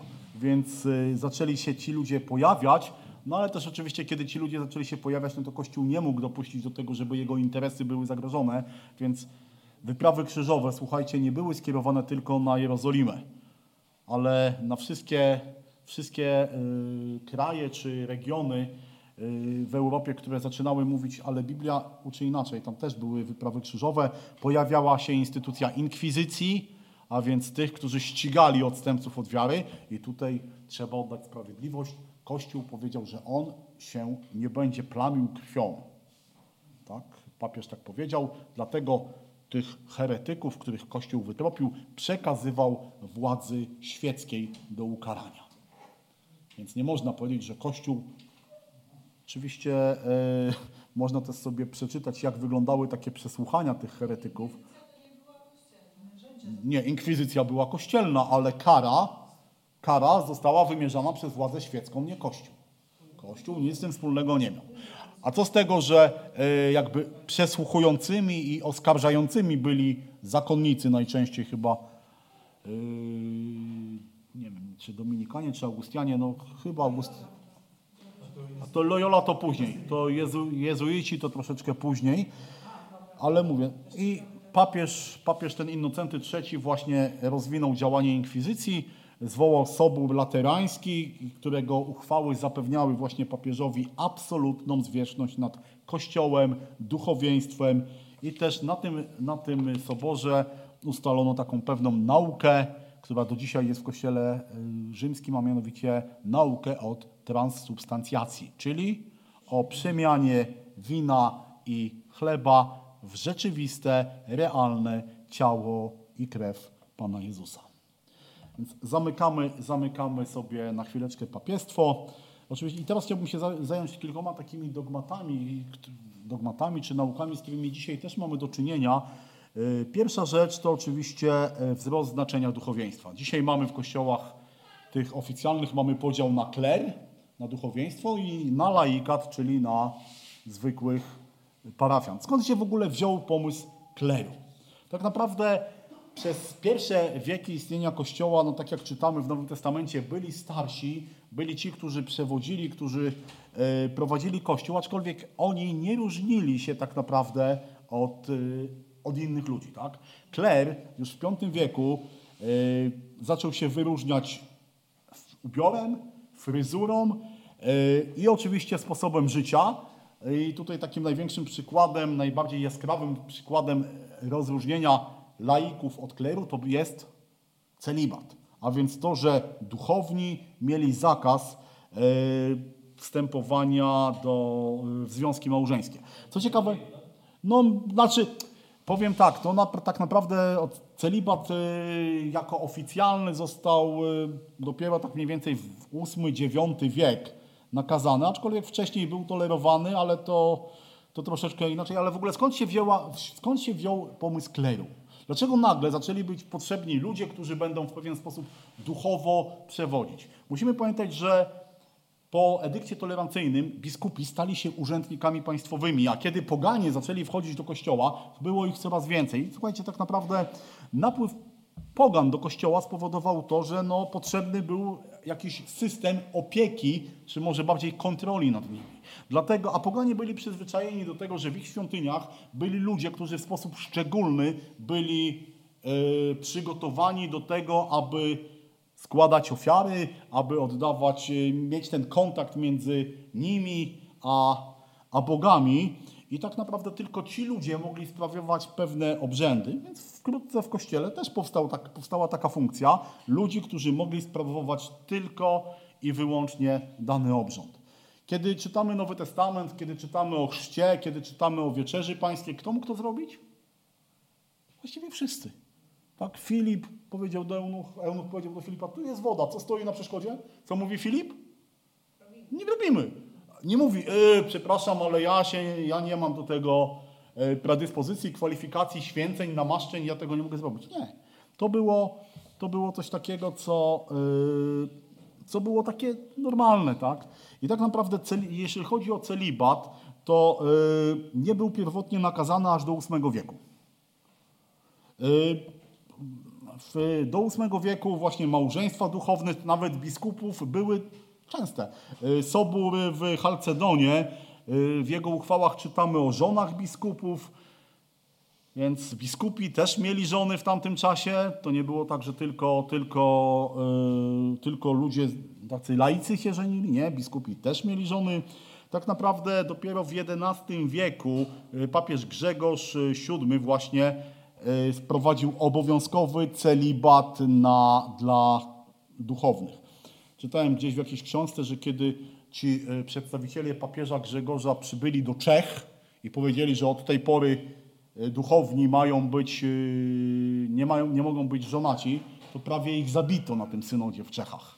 W Polsce podobnie troszeczkę łagodniej to przeszło, ale tak naprawdę jakby idea kleru była taka, że tak jak byli pogańscy kapłani, którzy mogli sprawować pewne E, funkcje. Tak samo w kościele pojawili się ludzie, którzy mogli tylko i wyłącznie, oni mogli sprawować pewne funkcje. Chrzcić, rozdzielać wieczerzę pańską, a po pewnym czasie do tej listy ich jakby obowiązków zaczęto dodawać kolejne nauki, kolejne nie wiem jak to nazwać, nawet obowiązki, które tak naprawdę bardzo często były sprzeczne z naukami y, Pisma Świętego. I te, te obowiązki kleru zostały po- podniesione do rangi sakramentu. Myślę, że to dzisiaj też takie dosyć popularne słowo. Rozmawiamy o sakramentach. Co to są sakramenty? Słowo sakramenty oznacza święty obrzęd. A więc pewien, pewne czynności, pewne rzeczy stają się sakralne, stają się święte, a przez to stają się niedostępne dla wszystkich. I w kościele, y, w myśl jakby nauki Kościoła rzymskiego, sakramenty po pierwsze podsycają wiarę, po drugie są widocznym, to mi się podoba to zdanie, widocznym znakiem niewidocznej łaski Bożej. Po trzecie, są konieczne do zbawienia. I po czwarte, aby były skuteczne, muszą być udzielone przez wyświęconego do tego kapłana. I oprócz chrztu i wieczerzy pańskiej, czy też komunii, tak, tymi, które są, e, były w pierwotnym kościele, mamy je w Biblii, tak naprawdę Kościół ma jeszcze pięć sakramentów, czyli generalnie jest siedem. Jest chrzest, jest Eucharystia, komunia czy wieczerza, jest sakrament pokuty, a więc spowiedź i odpuszczenie grzechów, jest bierzmowanie, czyli zapieczętowanie Duchem Świętym, jest ostatnie namaszczenie, czyli usunięcie pozostałości grzechów przed śmiercią, jest y, kapłaństwo, czyli ten sakrament kontynuacji urzędu Chrystusa jako kapłana i pośrednika, no i małżeństwo, sakrament łaski dla rozmnażania ludu Bożego. Co Biblia mówi na temat kapłaństwa i celibatu? Oczywiście mówi bardzo dużo. Na temat kapłaństwa, kiedy otwieramy Stary Testament, to tak naprawdę wiele tam ksiąg, nawet jedna z ksiąg ma tytuł Księga Kapłańska. W Starym Testamencie kapłanami mogli być ludzie tylko i wyłącznie z rodu Arona. Tak? Ich służba była w świątyni i tak naprawdę nikt nie mógł być kapłanem poza tym, tym rodem. Czytamy też w Nowym Testamencie, że byli tacy, którzy mówili, jak to, a my nie możemy? I Pan Bóg ich ukarał. E, W Nowym Testamencie jest również wyrażona idea kapłaństwa. Ale jakiego? Pierwszy list Piotra, drugi rozdział, piąty werset i dziewiąty. I wy sami, jako kamienie żywe, budujcie się w dom duchowy, w kapłaństwo święte, aby składać duchowe ofiary przyjemne Bogu przez Jezusa Chrystusa. I dziewiąty werset. Ale wy jesteście rodem wybranym, królewskim kapłaństwem, narodem świętym, ludem nabytym, abyście rozgłaszali cnoty tego, który was powołał z ciemności do cudownej swojej światłości. Pisze to Piotr, a więc pierwszy papież. Pierwszy papież. Czyta, ale pisze to, słuchajcie, nie do wybranych, do wybranej grupy, kasty, ale ten list zaczyna się od tego. Piotr, apostoł Jezusa Chrystusa, do wychodźców rozproszonych po Poncie, Galacji, Kapadocji, Azji i Bitynii, wybranych według powziętego z góry postanowienia Boga, Ojca poświęconych przez Ducha ku posłuszeństwu i pokrupieniu krwią Jezusa Chrystusa, łaska i pokój niech się, niech się wam rozmnożą. A więc wszyscy w myśl Nowego Testamentu wszyscy są kapłanami. Kapłanami Boga żywego. Tak jak Chrystus był kapłanem na, według porządku Melchizedeka, tak samo my dzisiaj kapłaństwo jest powszechne. Co Biblia mówi o celibacie, a więc tym, tym wiecie, no, czym można najłatwiej odróżnić duchownego od nie? No celibat. A Piotr, pierwszy papież, Marka 1,30. A teściowa Szymona leżała w gorączce i zaraz powiedziano mu o niej. Więc skoro teściowa Szymona Piotra leżała w gorączce, no to kto to jest teściowa? Mama żony. Paweł pisze, 1 Koryntian 9:5. Czy nie wolno nam zabierać z sobą żony chrześcijanki, jak czynią pozostali apostołowie i bracia pańscy i Kefas? Kto to jest Kefas? Piotr. A kto był pierwszym papieżem? Piotr. Miał żonę.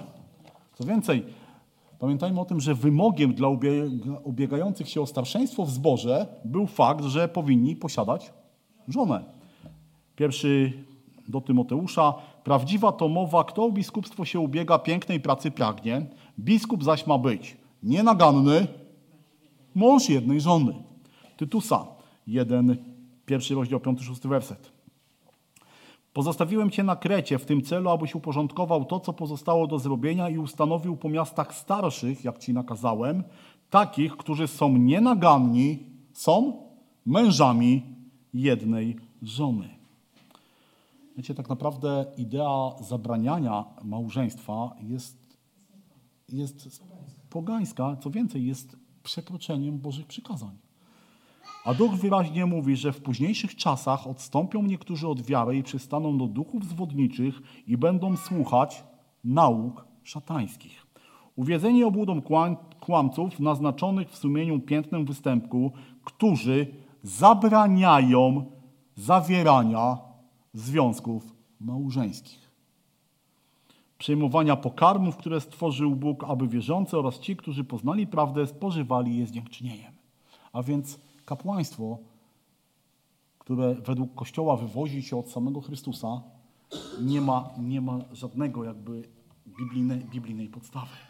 Co więcej, jeśli mamy już kapłaństwo, no to musimy też mieć nabożeństwo, tak? Musimy mieć celebrację, musimy mieć społeczności. No, oczywiście to jest bardzo dobra rzecz i nikt mi nigdy nie powie, że społeczność Kościoła jest zła. Ale jak wygląda społeczność w Kościele? Jak wyglądała pierwsza społeczność chrześcijan? Co robili pierwsi chrześcijanie? Spotykali się, modlili, czytali słowo, łamali chleb i właśnie głównym punktem nabożeństwa było czytanie pisma i to, co jest tak ładnie napisane, objaśnianie słów pańskich. A więc była społeczność, było przede wszystkim było kazanie. I tak naprawdę nabożeństwa były bardzo podobne, do, miały przebieg bardzo podobny do tego, co Żydzi robili w synagogach. To było podobne. Dzieje apostolskie czytamy i trwali w nauce apostolskiej, we wspólnocie, w łamaniu chleba i w modlitwach. I do Tymoteusza Paweł pisze, dopóki nie przyjdę, pilnuj czytania, napominania, nauki. Tak wyglądały pierwsze spotkania. Wiecie, nie mamy, tak naprawdę to jest ciekawe i myślę, że to jest naprawdę wielki dar od Pana Boga, że nie mamy w Biblii napisane, że nabożeństwo musi zacząć się trzema pieśniami, dwoma modlitwami. Nie, jest dowolność, jest wolność, ale co?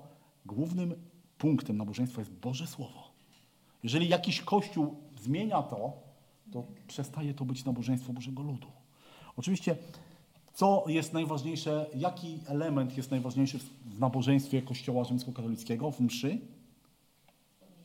Podniesienie, czyli Eucharystia. Czyli tak naprawdę, czym jest w ogóle to Eucharystia? Wiecie, kiedy, tak jak powiedziałem, pogaństwo zaczęło wchodzić do kościołów, no to tam poganie byli przyzwyczajeni do pewnych misteriów w swoich świątyniach, a głównym punktem w świątyniach pogańskich było składanie ofiary. Na to wszyscy czekali. I wiecie, i msza tak naprawdę stała się naj, w mszy najważniejszą częścią spotkania, nabożeństwa, stała się właśnie to, co się nazywa podniesieniem, czy też ofiarowaniem, w zależności od tego, co to tak naprawdę jest.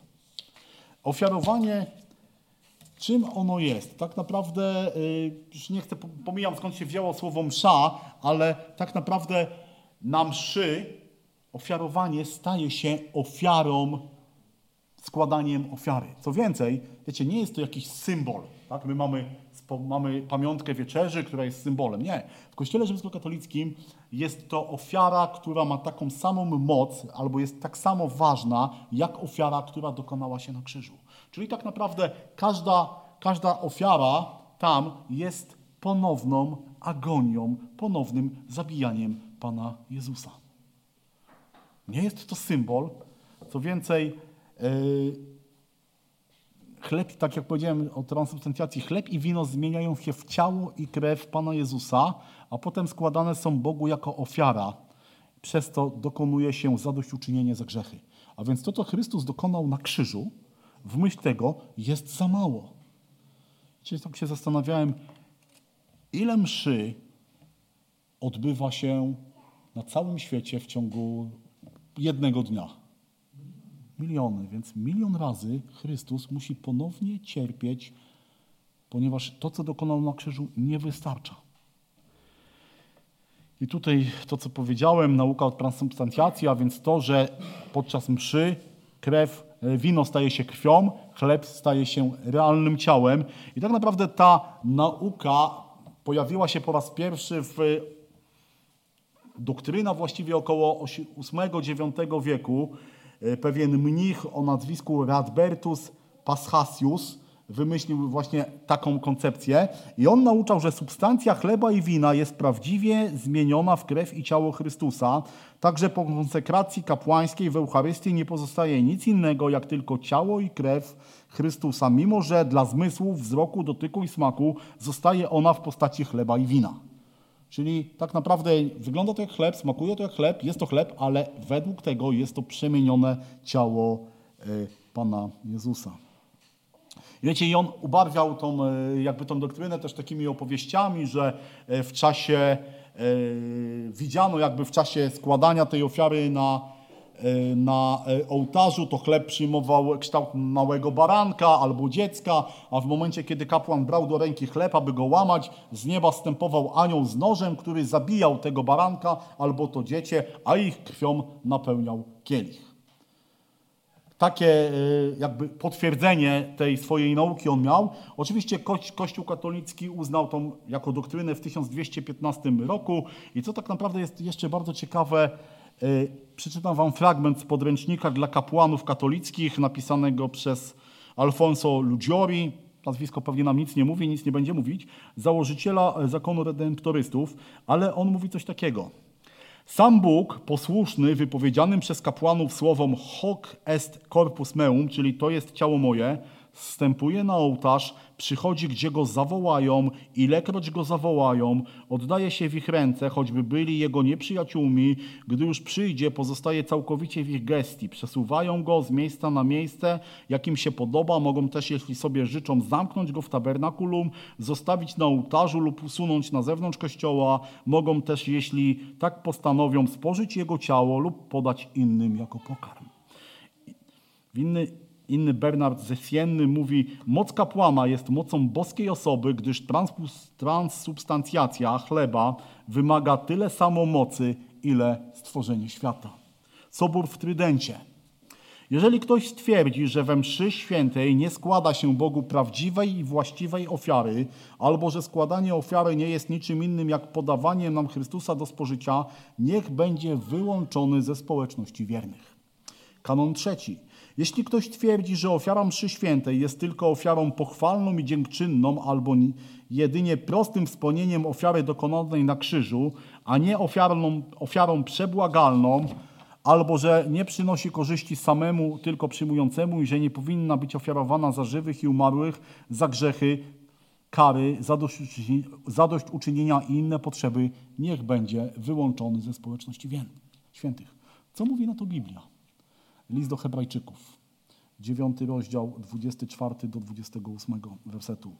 Albowiem Chrystus nie wszedł do świątyni zbudowanej rękami, która jest odbiciem prawdziwej, ale do samego nieba, aby się wystawić, aby się wstawiać teraz za nami przed obliczem Boga i nie dlatego, żeby wielokroć ofiarować samego siebie, podobnie jak arcykapłan wchodzi do świątyni co roku z cudzą krwią, gdyż w takim razie musiałby cierpieć wiele razy od początku świata, ale obecnie objawił się on jedynie, jedyn, jeden raz u schyłku wieków dla zgładzenia grzechu tych, yy, grzechu przez ofiarowanie samego siebie. Jak yy, postanowiono jest ludziom raz umrzeć, a potem sąd, taki Chrystus raz ofiarowany, aby zgładzić grzechy wielu, drugi raz ukaże się nie z powodu grzechu, lecz ku zbawieniu tym, którzy go oczekują oczekują. Dziesiąty rozdział, dziesiąty werset. Mocą tej woli jesteśmy uświęceni przez ofiarowanie ciała Jezusa Chrystusa raz na zawsze. Lecz gdy On złożył raz na zawsze jedną ofiarę za grzechy, usiadł po prawicy Bożej. Dalej. Albowiem jedną ofiarą uczynił na zawsze doskonałymi tych, którzy są uświęceni. Gdzie zaś jest odpuszczenie, tam nie ma już ofiary za grzech. Co więcej, słuchajcie, odrzucenie nauki od transubstancjacji jest grzechem śmiertelnym w pojęciu Kościoła. A więc msza jest kolejną ofiarą, zabijaniem Pana Jezusa i to, co Pan Jezus dokonał na krzyżu, nie ma żadnego znaczenia. Równie dobrze, słuchajcie, mógłby nie umrzeć, bo i tak kapłan składa go w ofierze po raz kolejny. Kolejna I wiecie, no i kiedy, kiedy słyszymy takie słowa, no to musimy się zastanowić tak naprawdę, na czym po, polega zbawienie. Bo Boże, Boże Słowo mówi, zbawienie jest z łaski. Natomiast jak wygląda zbawienie? Ja zatytułowałem sobie taki punkt Zbawienie po rzymskokatolicku. Spojrzenie na grzechy człowieka. Jaką naturę ma człowiek? Grzeszną. Zepsutą? Grzech wiąże się z upadkiem człowieka. To mówi Kościół katolicki, jego oddzieleniem od społeczności z Bogiem, tak? Ale natura człowieka nie została całkowicie zepsuta. Natura człowieka została jedynie okaleczona i tak naprawdę ma ciągle zdolność do osiągnięcia zbawienia nie tylko dzięki Bożej łasce, ale też dzięki własnym uczynkom. Wykonując pewne rzeczy, wykonując uczynki, korzystając z sakramentów, możemy wyzwolić się z niewoli grzechu. Ponieważ są dwa rodzaje grzechów. Pierwszy jest to grzech śmiertelny, a więc jest to grzech, który ma miejsce, kiedy człowiek świadomie i dobrowolnie łamie ważne przykazanie Boże. Wtedy jest to grzech śmiertelny, traci przez to łaskę, życie wieczne i jest grzech powszedni. Czyli taki, który winnym tego grzechu jest osoba, która zawiniła w małej sprawie lub nieświadomie lub niedobrowolnie naruszyła poważniejsze przykazanie. Który grzech jest poważny, a który nie? Kto o tym decyduje? Kapłan. Kiedy idzie się do spowiedzi, wyznaje się grzechy, to oczywiście to już jest kolejny, kolejny dogmat, o którym sobie będziemy mogli dużo powiedzieć, ale kapłan decyduje, jaki to jest rodzaj grzechu, czy może go odpuścić. Bo on może to zrobić, ale wcale nie musi. Czyli zobaczcie, zbawienie jest możliwe, nie jest z łaski, ale jest możliwe dzięki swoim zasługom. Dlatego dzisiaj mamy tak wiele, prawda? Walki o dobre uczynki, pielgrzymki, sakramenty, ofiary, sobór w Trydencie. Kto twierdzi, że grzeszny człowiek jest usprawiedliwiony wyłącznie przez wiarę, kto z Was tak twierdzi? Jedynie przyjmując łaskę, bez inicjatywy i wysiłku własnej woli, niech będzie wyłączony ze społeczności świętych. Anatema. Co Biblia mówi o występowaniu grzechu i jego konsekwencjach? No myślę, że chyba nie muszę Wam mówić, prawda, bo to wiemy, ale oczywiście mam kilka wersetów. Gdyż wszyscy zgrzeszyli i brak im chwały Bożej. Lecz wasze winy są tym, co was odłączyło od waszego Boga, a wasze grzechy zasłoniły przed nim, przed wami jego oblicze, tak że nie słyszy. I wy umarliście przez uczynki przez upadki i grzechy wasze, w których niegdyś chodziliście według modły tego świata, naśladując władcę, który rządzi w powietrzu, ducha, który teraz działa w synach opornych. Wśród nich i my wszyscy żyliśmy niegdyś w porządliwościach ciała naszego, ulegając woli ciała i zmysłów i byliśmy z natury dziećmi gniewu, jak i teraz. Co Biblia mówi o zbawieniu z uczynków? Albowiem łaską zbawieni jesteście przez wiarę i to nie z was. Boży to dar, nie z uczynków, aby się kto nie chlubił. Księga Izajasza. I wszyscy staliśmy się podobni do tego, co nieczyste, a wszystkie nasze cnoty są jak szata splugawiona, wszyscy więdniemy jak liść, a nasze przewinienia porywają nas jak wiatr. List do Rzymian. Dlatego z uczynków zakonu nie będzie usprawiedliwiony przed nim żaden człowiek, gdyż zakon, przez zakon jest poznanie grzechu. List do Tytusa. Zbawił nas nie dla uczynków sprawiedliwości, które spełniliśmy, lecz dla miłosierdzia swego przez kąpiel odrodzenia oraz odnowienie przez Ducha Świętego. List do Galacjan. Wiedząc wszakże, że człowiek zostaje usprawiedliwiony nie z uczynków zakonu, a tylko przez wiarę w Chrystusa Jezusa i myśmy w Chrystusa Jezusa uwierzyli. Zbawienie wypływa z łaski i faktu jej przyjęcia. Tak Bóg umiłował świat tak, że Syna swego jednorodzonego dał, kto, aby każdy, kto w Niego wierzy, nie zginął, miał żywot wieczny. Zaprawdę, zaprawdę powiadam wam, kto słucha słowa mego i wierzy temu, który mnie posłał, ma żywot wieczny i nie stanie przed sądem, lecz przeszedł ze śmierci do żywota. I oczywiście mamy tu jeszcze, tu jeszcze wiele innych fragmentów. Jeśli będę robił skrypt tej drugiej części, to te wszystkie wersety tam będą, ale teraz nie chcę, nie chcę mogę je podać, tak? No, Dobre uczynki oczywiście są bardzo ważne dla życia człowieka. Tak, życie chrześcijanina ma się opierać na dobrych uczynkach, ale dobre uczynki nie są czymś, co zagwarantują tobie zbawienie. Wiecie, to nie jest tak, że tam liczymy, mam więcej niż tego. Nie, bo dobre uczynki, my jesteśmy do nich powołani, mamy w nich trwać, mamy, ale one są ważne, bo Chrystus będzie za nie rozliczał za nasze życie z Nim. Ale one nie gwarantują nam zbawienia. Ale wiecie, powiem wam więcej. Boża łaska i dobre uczynki wcale nie gwarantują ci zbawienia w Kościele katolickim. Możesz zrobić miliard dobrych uczynków, nie zrobić ani jednego złego, a i tak nie będziesz zbawiony. Dalej. Cy, y, cytat, kolejny cytat, teraz nie z Biblii, ale z Soboru we Florencji. Święty Kościół Rzymski, założony słowem naszego Pana i Zbawiciela, niezłomnie wierzy, wyznaje i oznajmia, że uczestnikiem życia wiecznego nie może być nikt spoza Kościoła katolickiego, i tu w, tym znaczeniu rzymskokatolickiego, ani poganin, ani Żyd, ani niewierzący, ani odłączony od jedności Kościoła. Przeznaczeniem takich jest ogień wieczny zgotowany diabłu i aniołom jego, jeśli przed śmiercią nie dołączy do Kościoła. No ale wiecie, Sobór we Florencji, 1445 rok, przepraszam, drugi, kiedy to było, czasy się zmieniają, Drugi Sobór Watykański, 1964. Przeto nie mogą być uratowani ludzie, którzy wiedząc, że zbawienie jest tylko w Kościele katolickim, jak to Bóg postanowił przez Chrystusa, nie przystępują do Niego lub w Nim nie trwają. Wiecie, i teraz mam wyrzut sumienia, bo jeżeli tego nie wiedzieliście, by była dla was szansa. Ale teraz, teraz to wiecie. Słowa papieży. Papież Bonifacy VIII. Poza katolickim kościołem nie ma ani zbawienia, ani odpuszczenia grzechów. Papież Pius IX, 1863. Poza kościołem apostolskim, rzymskim nikt się zbawić nie może, gdyż ten kościół jest jedynie arką zbawienia, do której kto nie wszedł, zginie w nurtach potopu.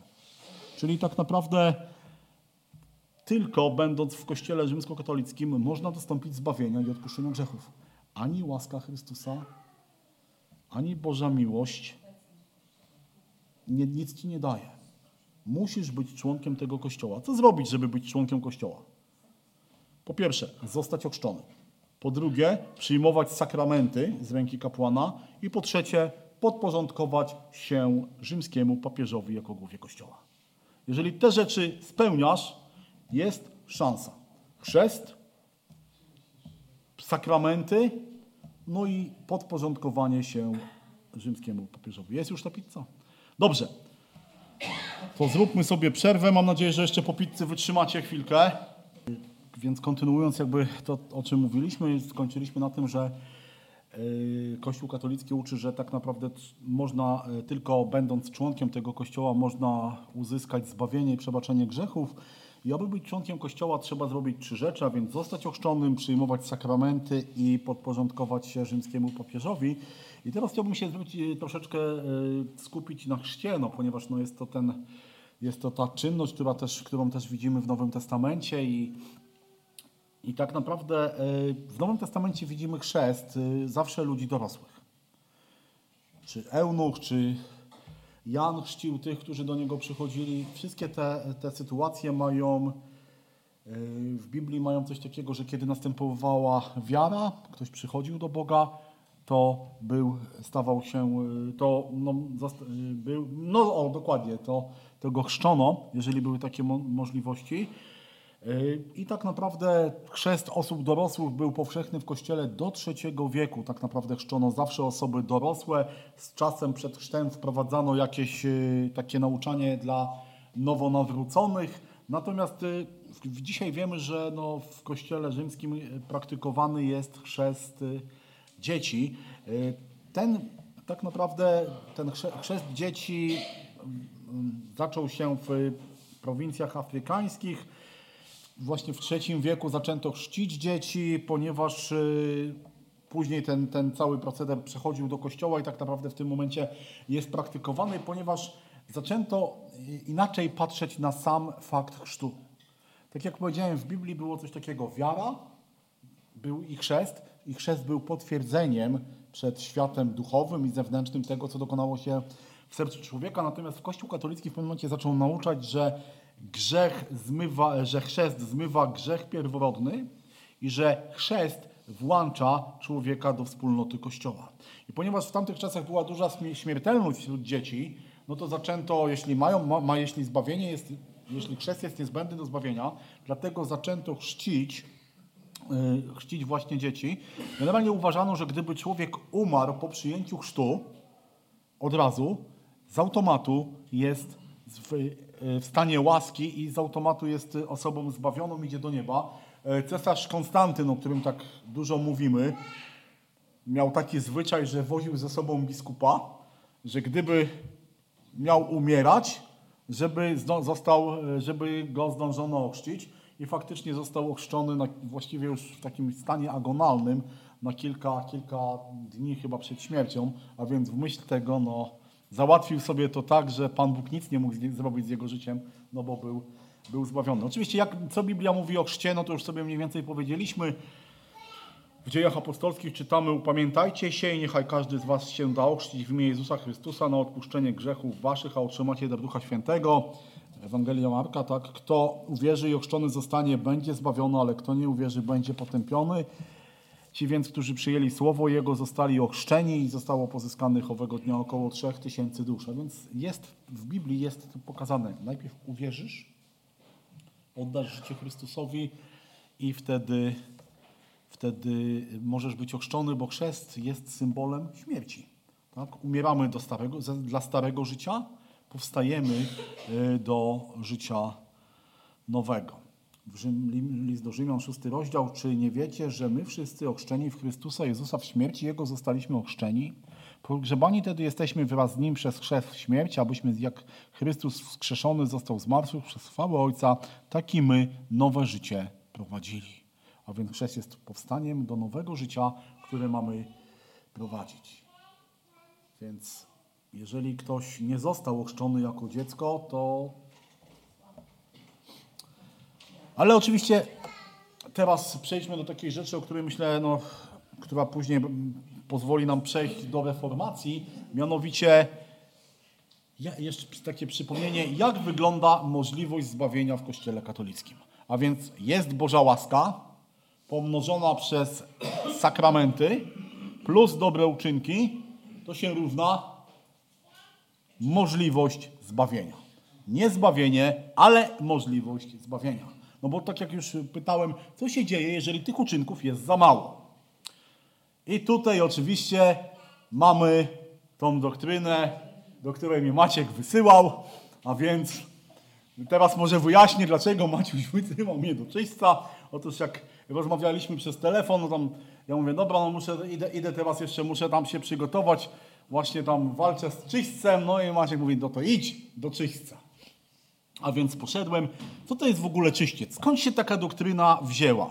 Tak nam pierwszym papieżem, który w ogóle e, wyznawał doktrynę o czyśćcu był Grzegorz I i to już był VI wiek, zaczęła się pojawiać ta nauka, ale oficjalnie do kościoła została e, przyjęta na soborze we Florencji, to jest XV wiek i tam słowa tego, e, tego soboru czytamy. Jeśli by prawdziwie pokutujący zakończyli życie w miłości Boga i jeszcze przed godnym zadośćuczynieniem, czynami pokutującymi za popełnione grzechy i zaniedbania, wówczas dusze ich zostaną po śmierci oczyszczone karami czyśćcowymi. Do złagodzenia tego rodzaju kar dopomaga im wstawiennictwo wie- wiernych żyjących, a mianowicie ofiary mszy, modlitwy, jałmużny i inne akty pobożności, które zgodnie z postanowieniami Kościoła jedni wierni zwykli ofiarowywać za innych wiernych. Na Soborze Trydenckim ustalono dalej, jeśli ktoś twierdzi, że po przyjęciu łaski usprawiedliwienia winy każdego skruszonego grzesznika są na tyle darowane, a dług kary wiecznej na tyle wymazany, że nie trzeba przydzielać mu żadnej kary doczesnej, ani tej na ziemi, ani w czyśćcu, zanim bramy niebios będą mogły się przed nim otworzyć, niech będzie wykluczony ze społeczności świętej. A więc generalnie jest tak, że jeżeli Chrystus umarł za mój grzech, to tak naprawdę to nie wystarcza. Bo muszę mieć jeszcze jakieś zadośćuczynienie, muszę jeszcze coś zrobić.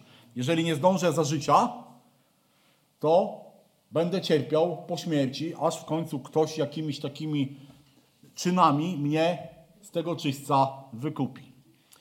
Kto idzie do czyśćca? W katechizmie Kościoła katolickiego czytamy: Ci, którzy umierają w łasce i przyjaźni z Bogiem, ale nie są jeszcze całkowicie oczyszczeni, chociaż są już pewni swego wiecznego zbawienia, przechodzą po śmierci oczyszczenie, by uzyskać świętość konieczną do wejścia do radości nieba. W czyśćcu musimy odpokutować wszystkie grzechy lekkie oraz grzechy śmiertelne, przebaczone już przez Boga, ale nie odpokutowane na ziemi. No więc zobaczcie, znowu, mamy Bożą łaskę, która mówi, kto jest w Chrystusie nowym stworzeniem, przeszedł ze śmierci do żywota, ale nie, my musimy jeszcze odpokutować. I tak naprawdę są różne, w kościele katolickim są różne sposoby, tak jak czytaliśmy, bo y, jak można wyrwać duszę z czyśćca? No przez modlitwę, ofiarę mszy.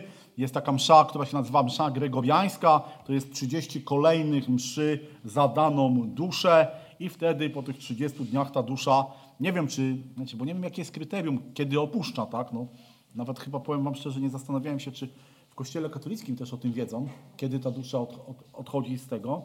Ale oczywiście jest, jeszcze jest komunia, dobre uczynki, jałmużna, post i oczywiście to, co e, można powiedzieć interesuje nas najbardziej, a mianowicie czyściec można opuścić dzięki odpustom. Co to są odpusty? W ogóle skąd się wzięła, wziął taki pomysł? Otóż myśl, e, w nauczaniu Kościoła jest coś takiego, co e, funkcjonuje pod nazwą skarbnica zasług. To jest, można powiedzieć tak obrazowo, taki bank i w tym banku są złożone, jest depozyt. I na ten depozyt składa się ofiara Pana Jezusa, prawidłowo. Dalej, niezliczone zasługi Marii, zasługi świętych, którzy zdobyli więcej zasług, niż było to potrzebne do zbawienia ich własnych dusz. A więc w ten depozyt wrzuca się wszystkie nadwyżki dobrych rzeczy. I co więcej, Kościół i papież tą skarbnicą zarządza i może z niej czerpać i rozdawać potrzebującym w formie odpustu. Czyli generalnie od czasu do czasu robi się wypuszcza się odpust. I odpusty to jest taki bardzo, tak naprawdę odpusty to był to, co poruszyło, a właściwie handel odpustami to jest to, co było taką iskrą albo tą kroplą, która przelała czarę goryczy, kiedy Marcin Luther przybijał swoje tezy do, do drzwi kościoła w Wittenberdze. Skąd w ogóle pomysł na odpusty i tutaj już troszeczkę no, idziemy w tą stronę reformacji. Wiecie, otóż pewien papież chciał mieć godną siedzibę. I w 1506 roku papieże rozpoczęli przebudowę, właściwie przebudowę yy, yy, Bazyliki Świętego Piotra. I dwaj papieże, którzy to rozpoczęli, za których pontyfikatu to się działo, a mianowicie Juliusz II oraz Leon X, po prostu przeinwestowali. I się okazało, że Juliusz II tak naprawdę wydawał jedną o jedną trzecią więcej środków niż do Rzymu spływało na rozbudowę, a y, Leon X swój pontyfikat skończył z długiem opływającym na 40, 400 tysięcy skudów, to na przeliczeniu 12 ton złota. I co, co należało zrobić, żeby tą papieską inwestycję ratować? No potrzebne były pieniądze. I dlatego wpadł, y, Kościół wpadł na pomysł, że zaczął handlować stanowiskami kościelnymi, Czyli jeżeli chciałeś mieć jakieś stanowisko w kościele, to musiałeś zapłacić, więc już nawet sukcesja apostolska, słuchajcie, poszła w zapomnienie.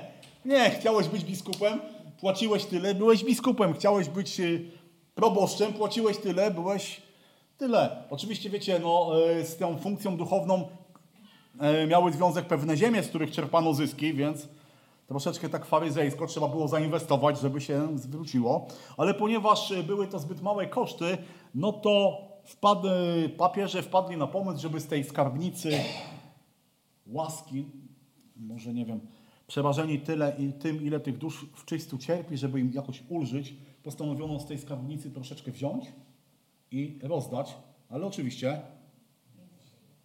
nie za darmo. Wiecie, no duchowy, duchowy duchowy, że tak powiem, majątek, no, musi być jakoś opłacony y, ziemskimi pieniędzmi. I tak naprawdę każdy mógł y, skorzystać i tymi odpustami y, uzyskać nie dość, że wybawienie dla dusz swoich bliskich, to jeszcze dla siebie, a oprócz, no, dzięki temu też papież mógł mieć pie- fundusze na dokończenie budowy. Oczywiście był specjalny, wiecie, to nie było tak, że wszystkim porówno, był specjalny cennik. Mam go tutaj, no nie będę go cytował, nie, bo, ale dosyć ciekawy jest, ile, ile, ile książę, ile zwykły biedak musiał zapłacić, żeby odpust uzyskać.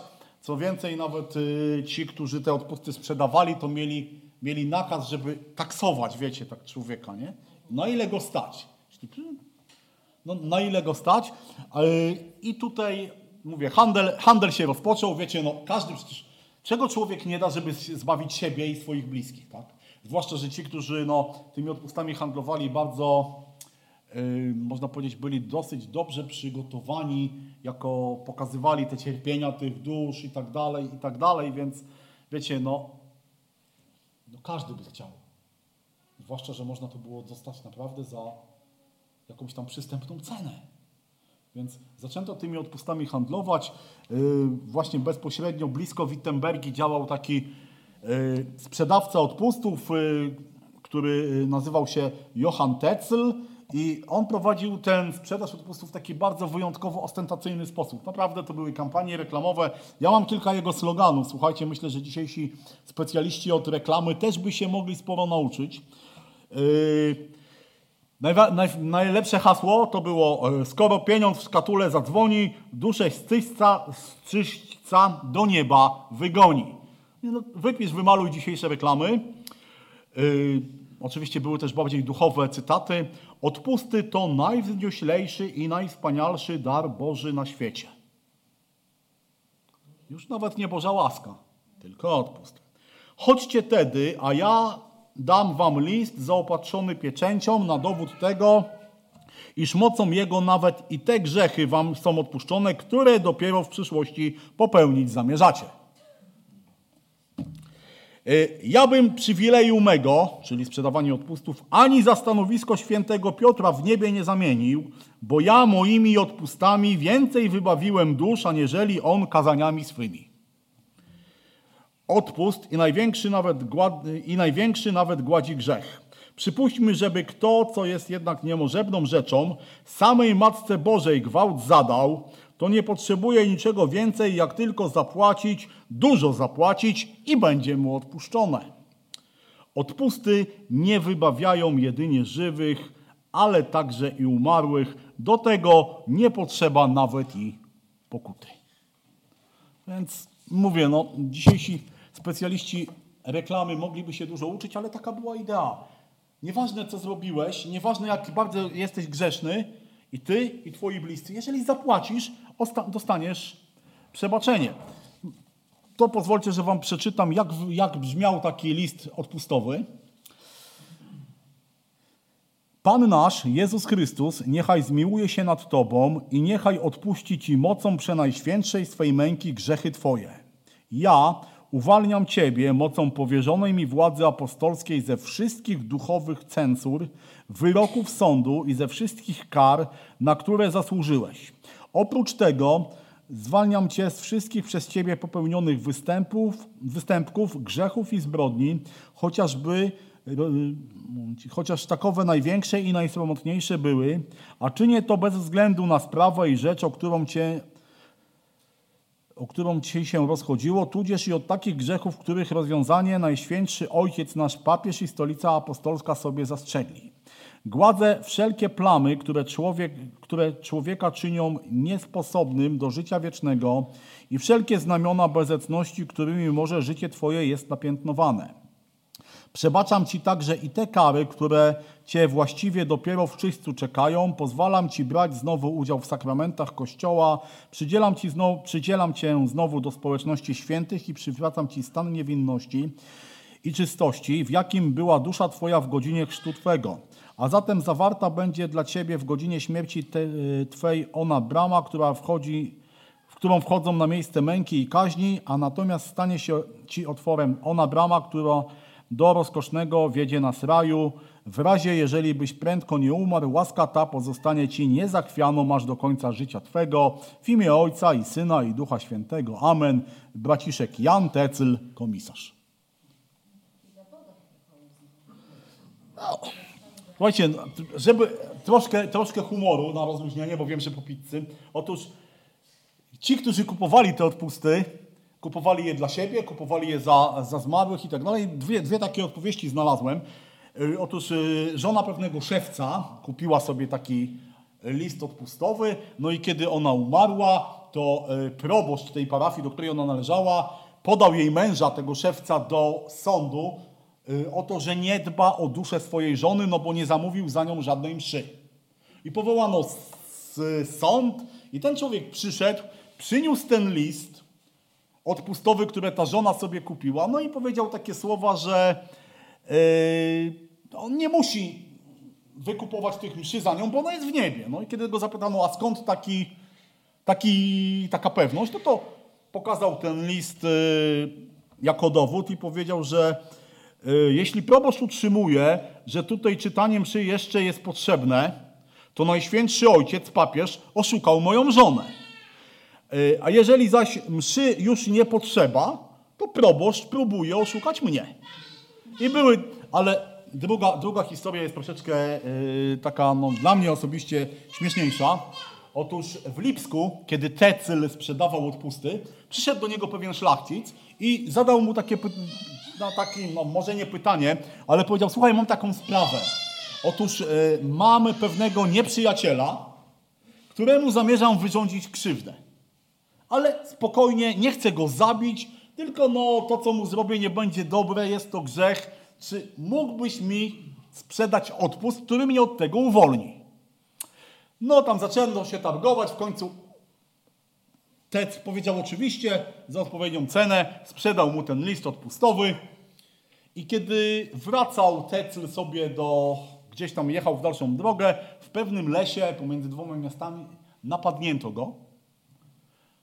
Złojono mu różne części ciała i zabrano pieniądze.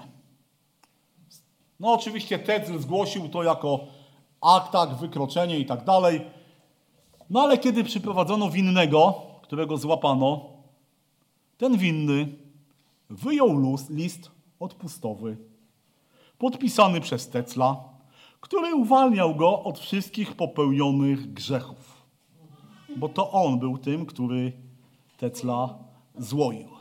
Więc tak to wyglądało w praktyce. Może jest to śmieszne, ale zobaczcie, jak wielkie, jak, jak wielkie powodowało, powodowało to y, odejście ludzi od Boga. Tak? No po co? Po co pokuta, po co wiara, po co nawrócenie? Przecież wystarczy, wystarczy, wystarczy list. I z drugiej strony, jaka to jest, wiecie, jakie to jest zwodnicze dla ludzi, którzy mówią, no dzisiaj słyszymy bardzo często, ja mam jeszcze czas.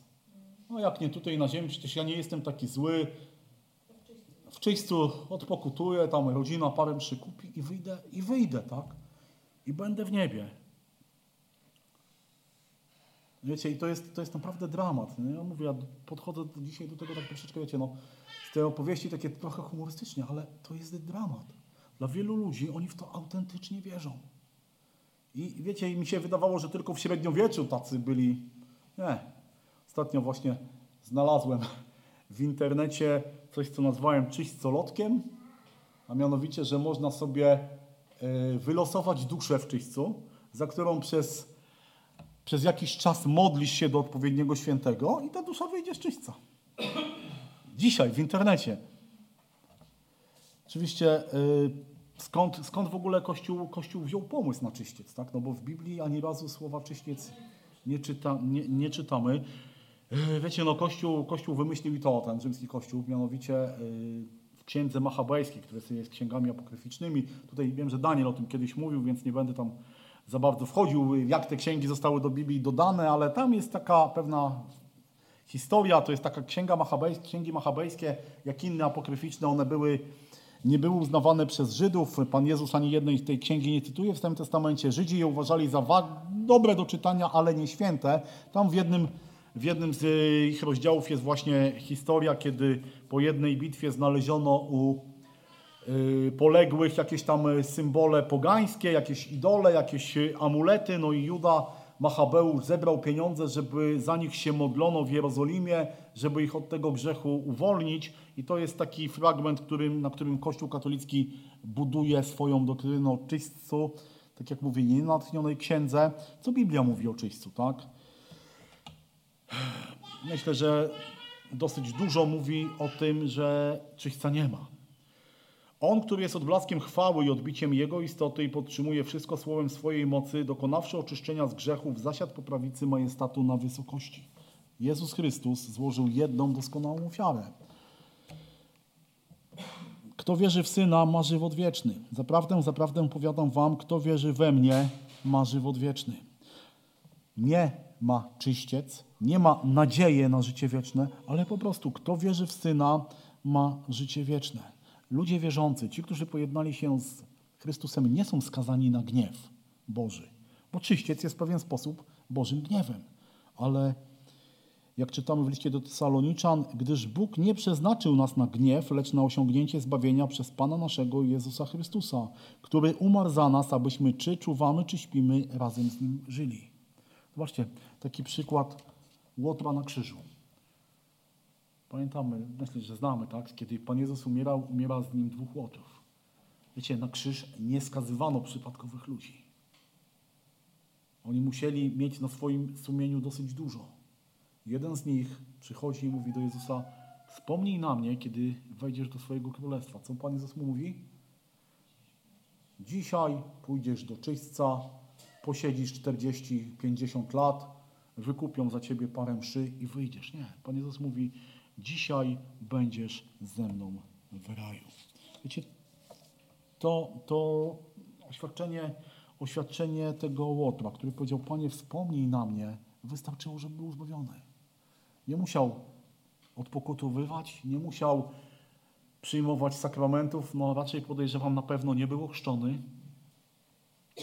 Ale Pan Jezus mu powiedział, dzisiaj będziesz ze mną w raju.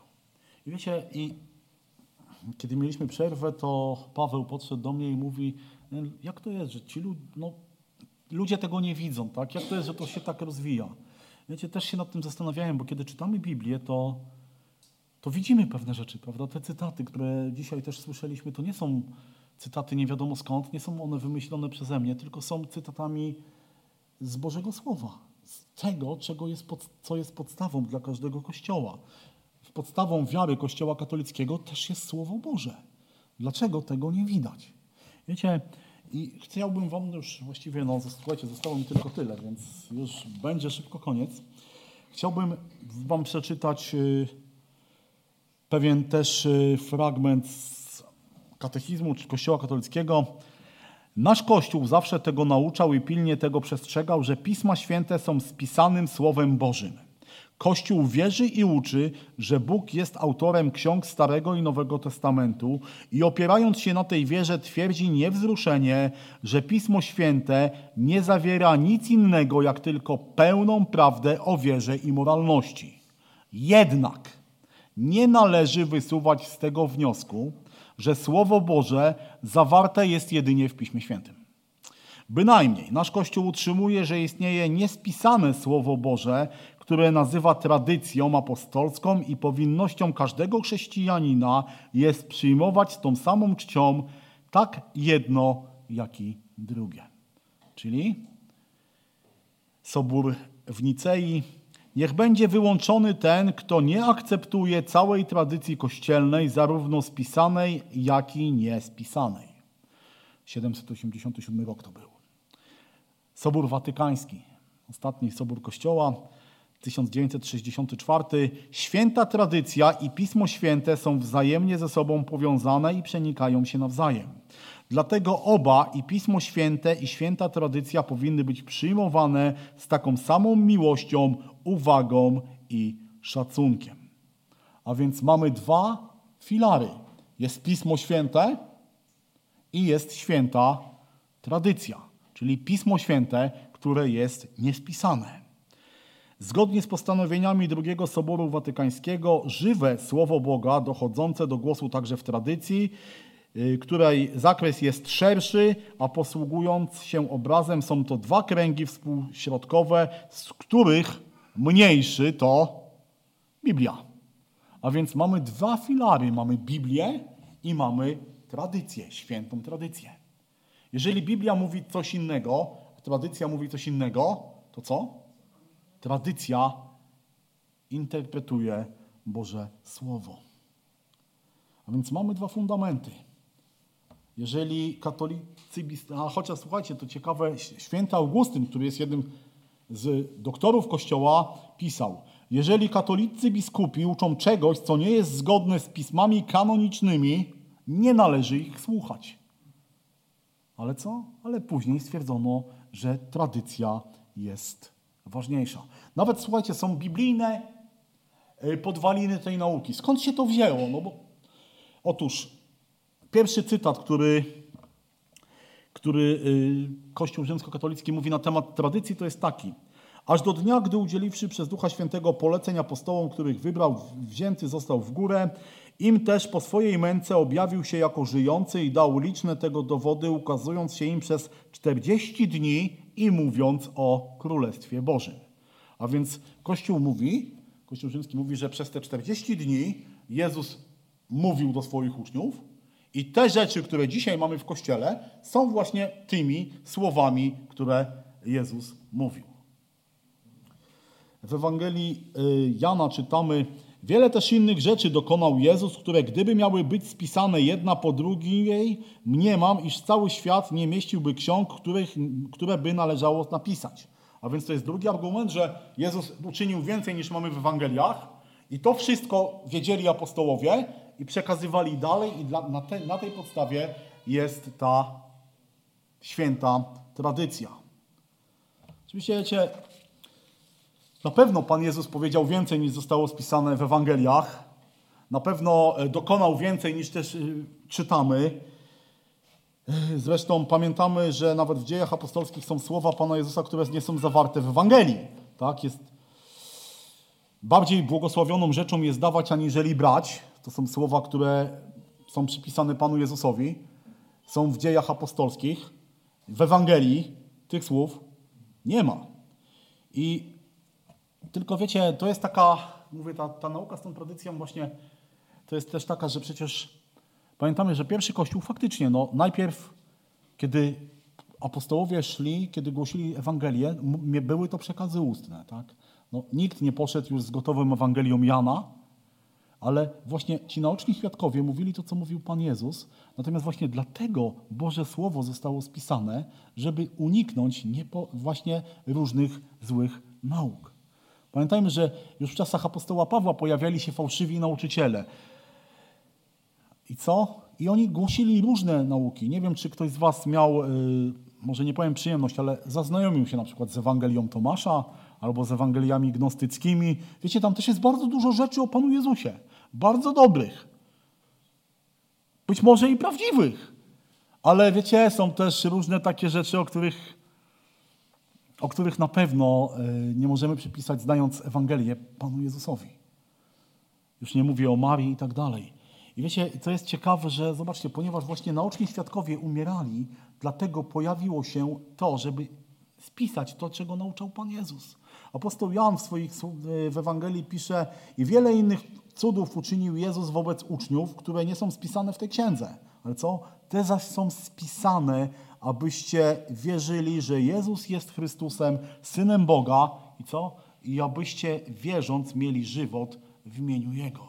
Zobaczcie, kiedy chrześcijaństwo wchodziło do świata rzymskiego, kiedy apostołowie głosili Ewangelię, to jedna bardzo ważna rzecz była. Zawsze było to weryfikowane z pismami. W dziejach apostolskich czytamy o. Yy, w Berei o chrześcijanach, którzy byli szlachetniejszego usposobienia niż owi w Tesalonice, przyjęli oni słowo z całą gotowością i codziennie co robili?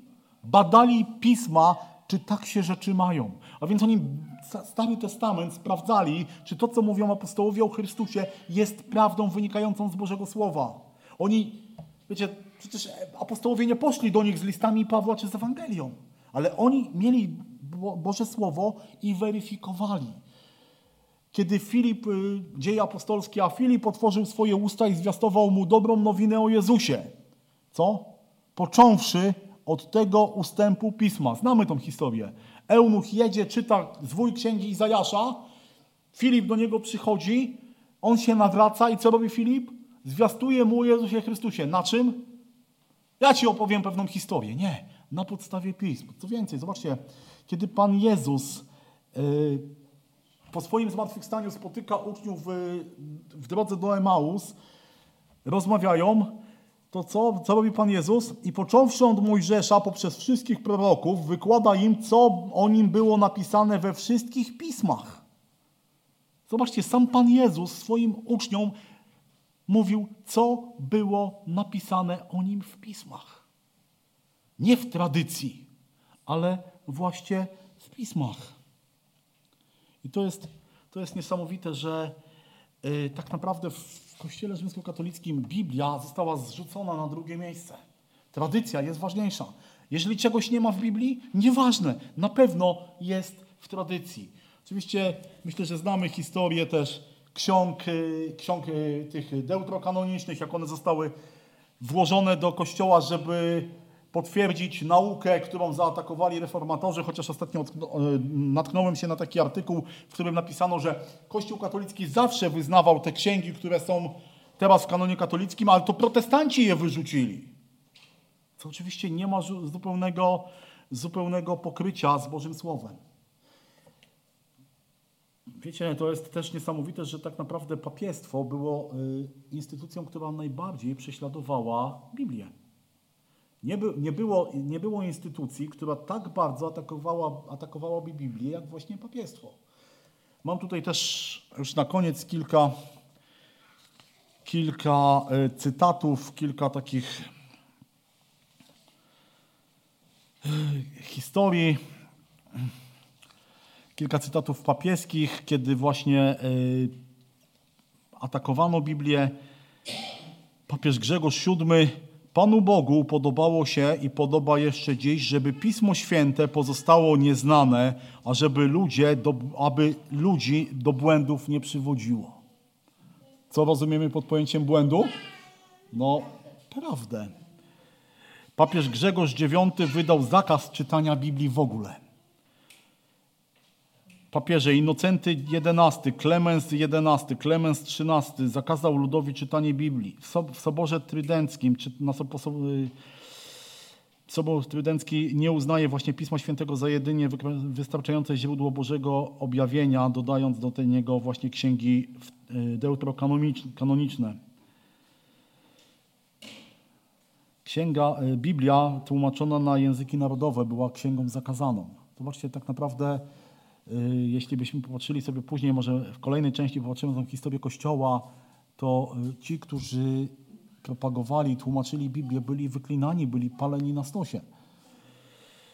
Jeszcze taka rada, jaką udzielili biskupi papieżowi Juliuszowi III, kiedy został wybrany na tron papieski.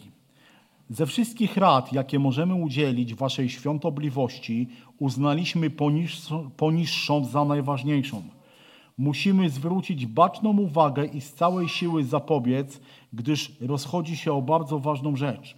Czytanie Ewangelii powinno być na ile to tylko możliwe, jak najmniej dozwolone. To trochę, które zwykle przy mszy jest czytane, powinno wystarczyć i nikomu nie powinno być dozwolone czytać więcej. Tak długo jak naród zadowala się małym, Twoim interesom będzie się powodzić. Lecz z chwilą, gdy naród zapragnie czytać więcej, zaczną Twoje interesy cierpieć. Pismo Święte jest tą książką, która bardziej niż jakakolwiek inna wywołuje przeciw nam opór i przypływ burzy, przez którą my prawie zgubieni jesteśmy. Zaprawdę, kto, gdy kto naukę Biblii pilnie bada i porówna z tym, co dzieje się w naszych kościołach, znajdzie wkrótce sprzeczności i ujrzy, że nasza nauka częściej jest z nią w wielkiej sprzeczności. A gdy naród to zrozumie, będzie nas bezustannie krytykować, aż wszystko wyjawi, a wtedy będziemy przedmiotem wszechświatowego szyderstwa i nienawiści. Jeśli jest przez to konieczne, aby Pismo Święte od oczu narodu zostało usunięte, jednakże z wielką ostrożnością, ażeby nie wywołać wrzawy.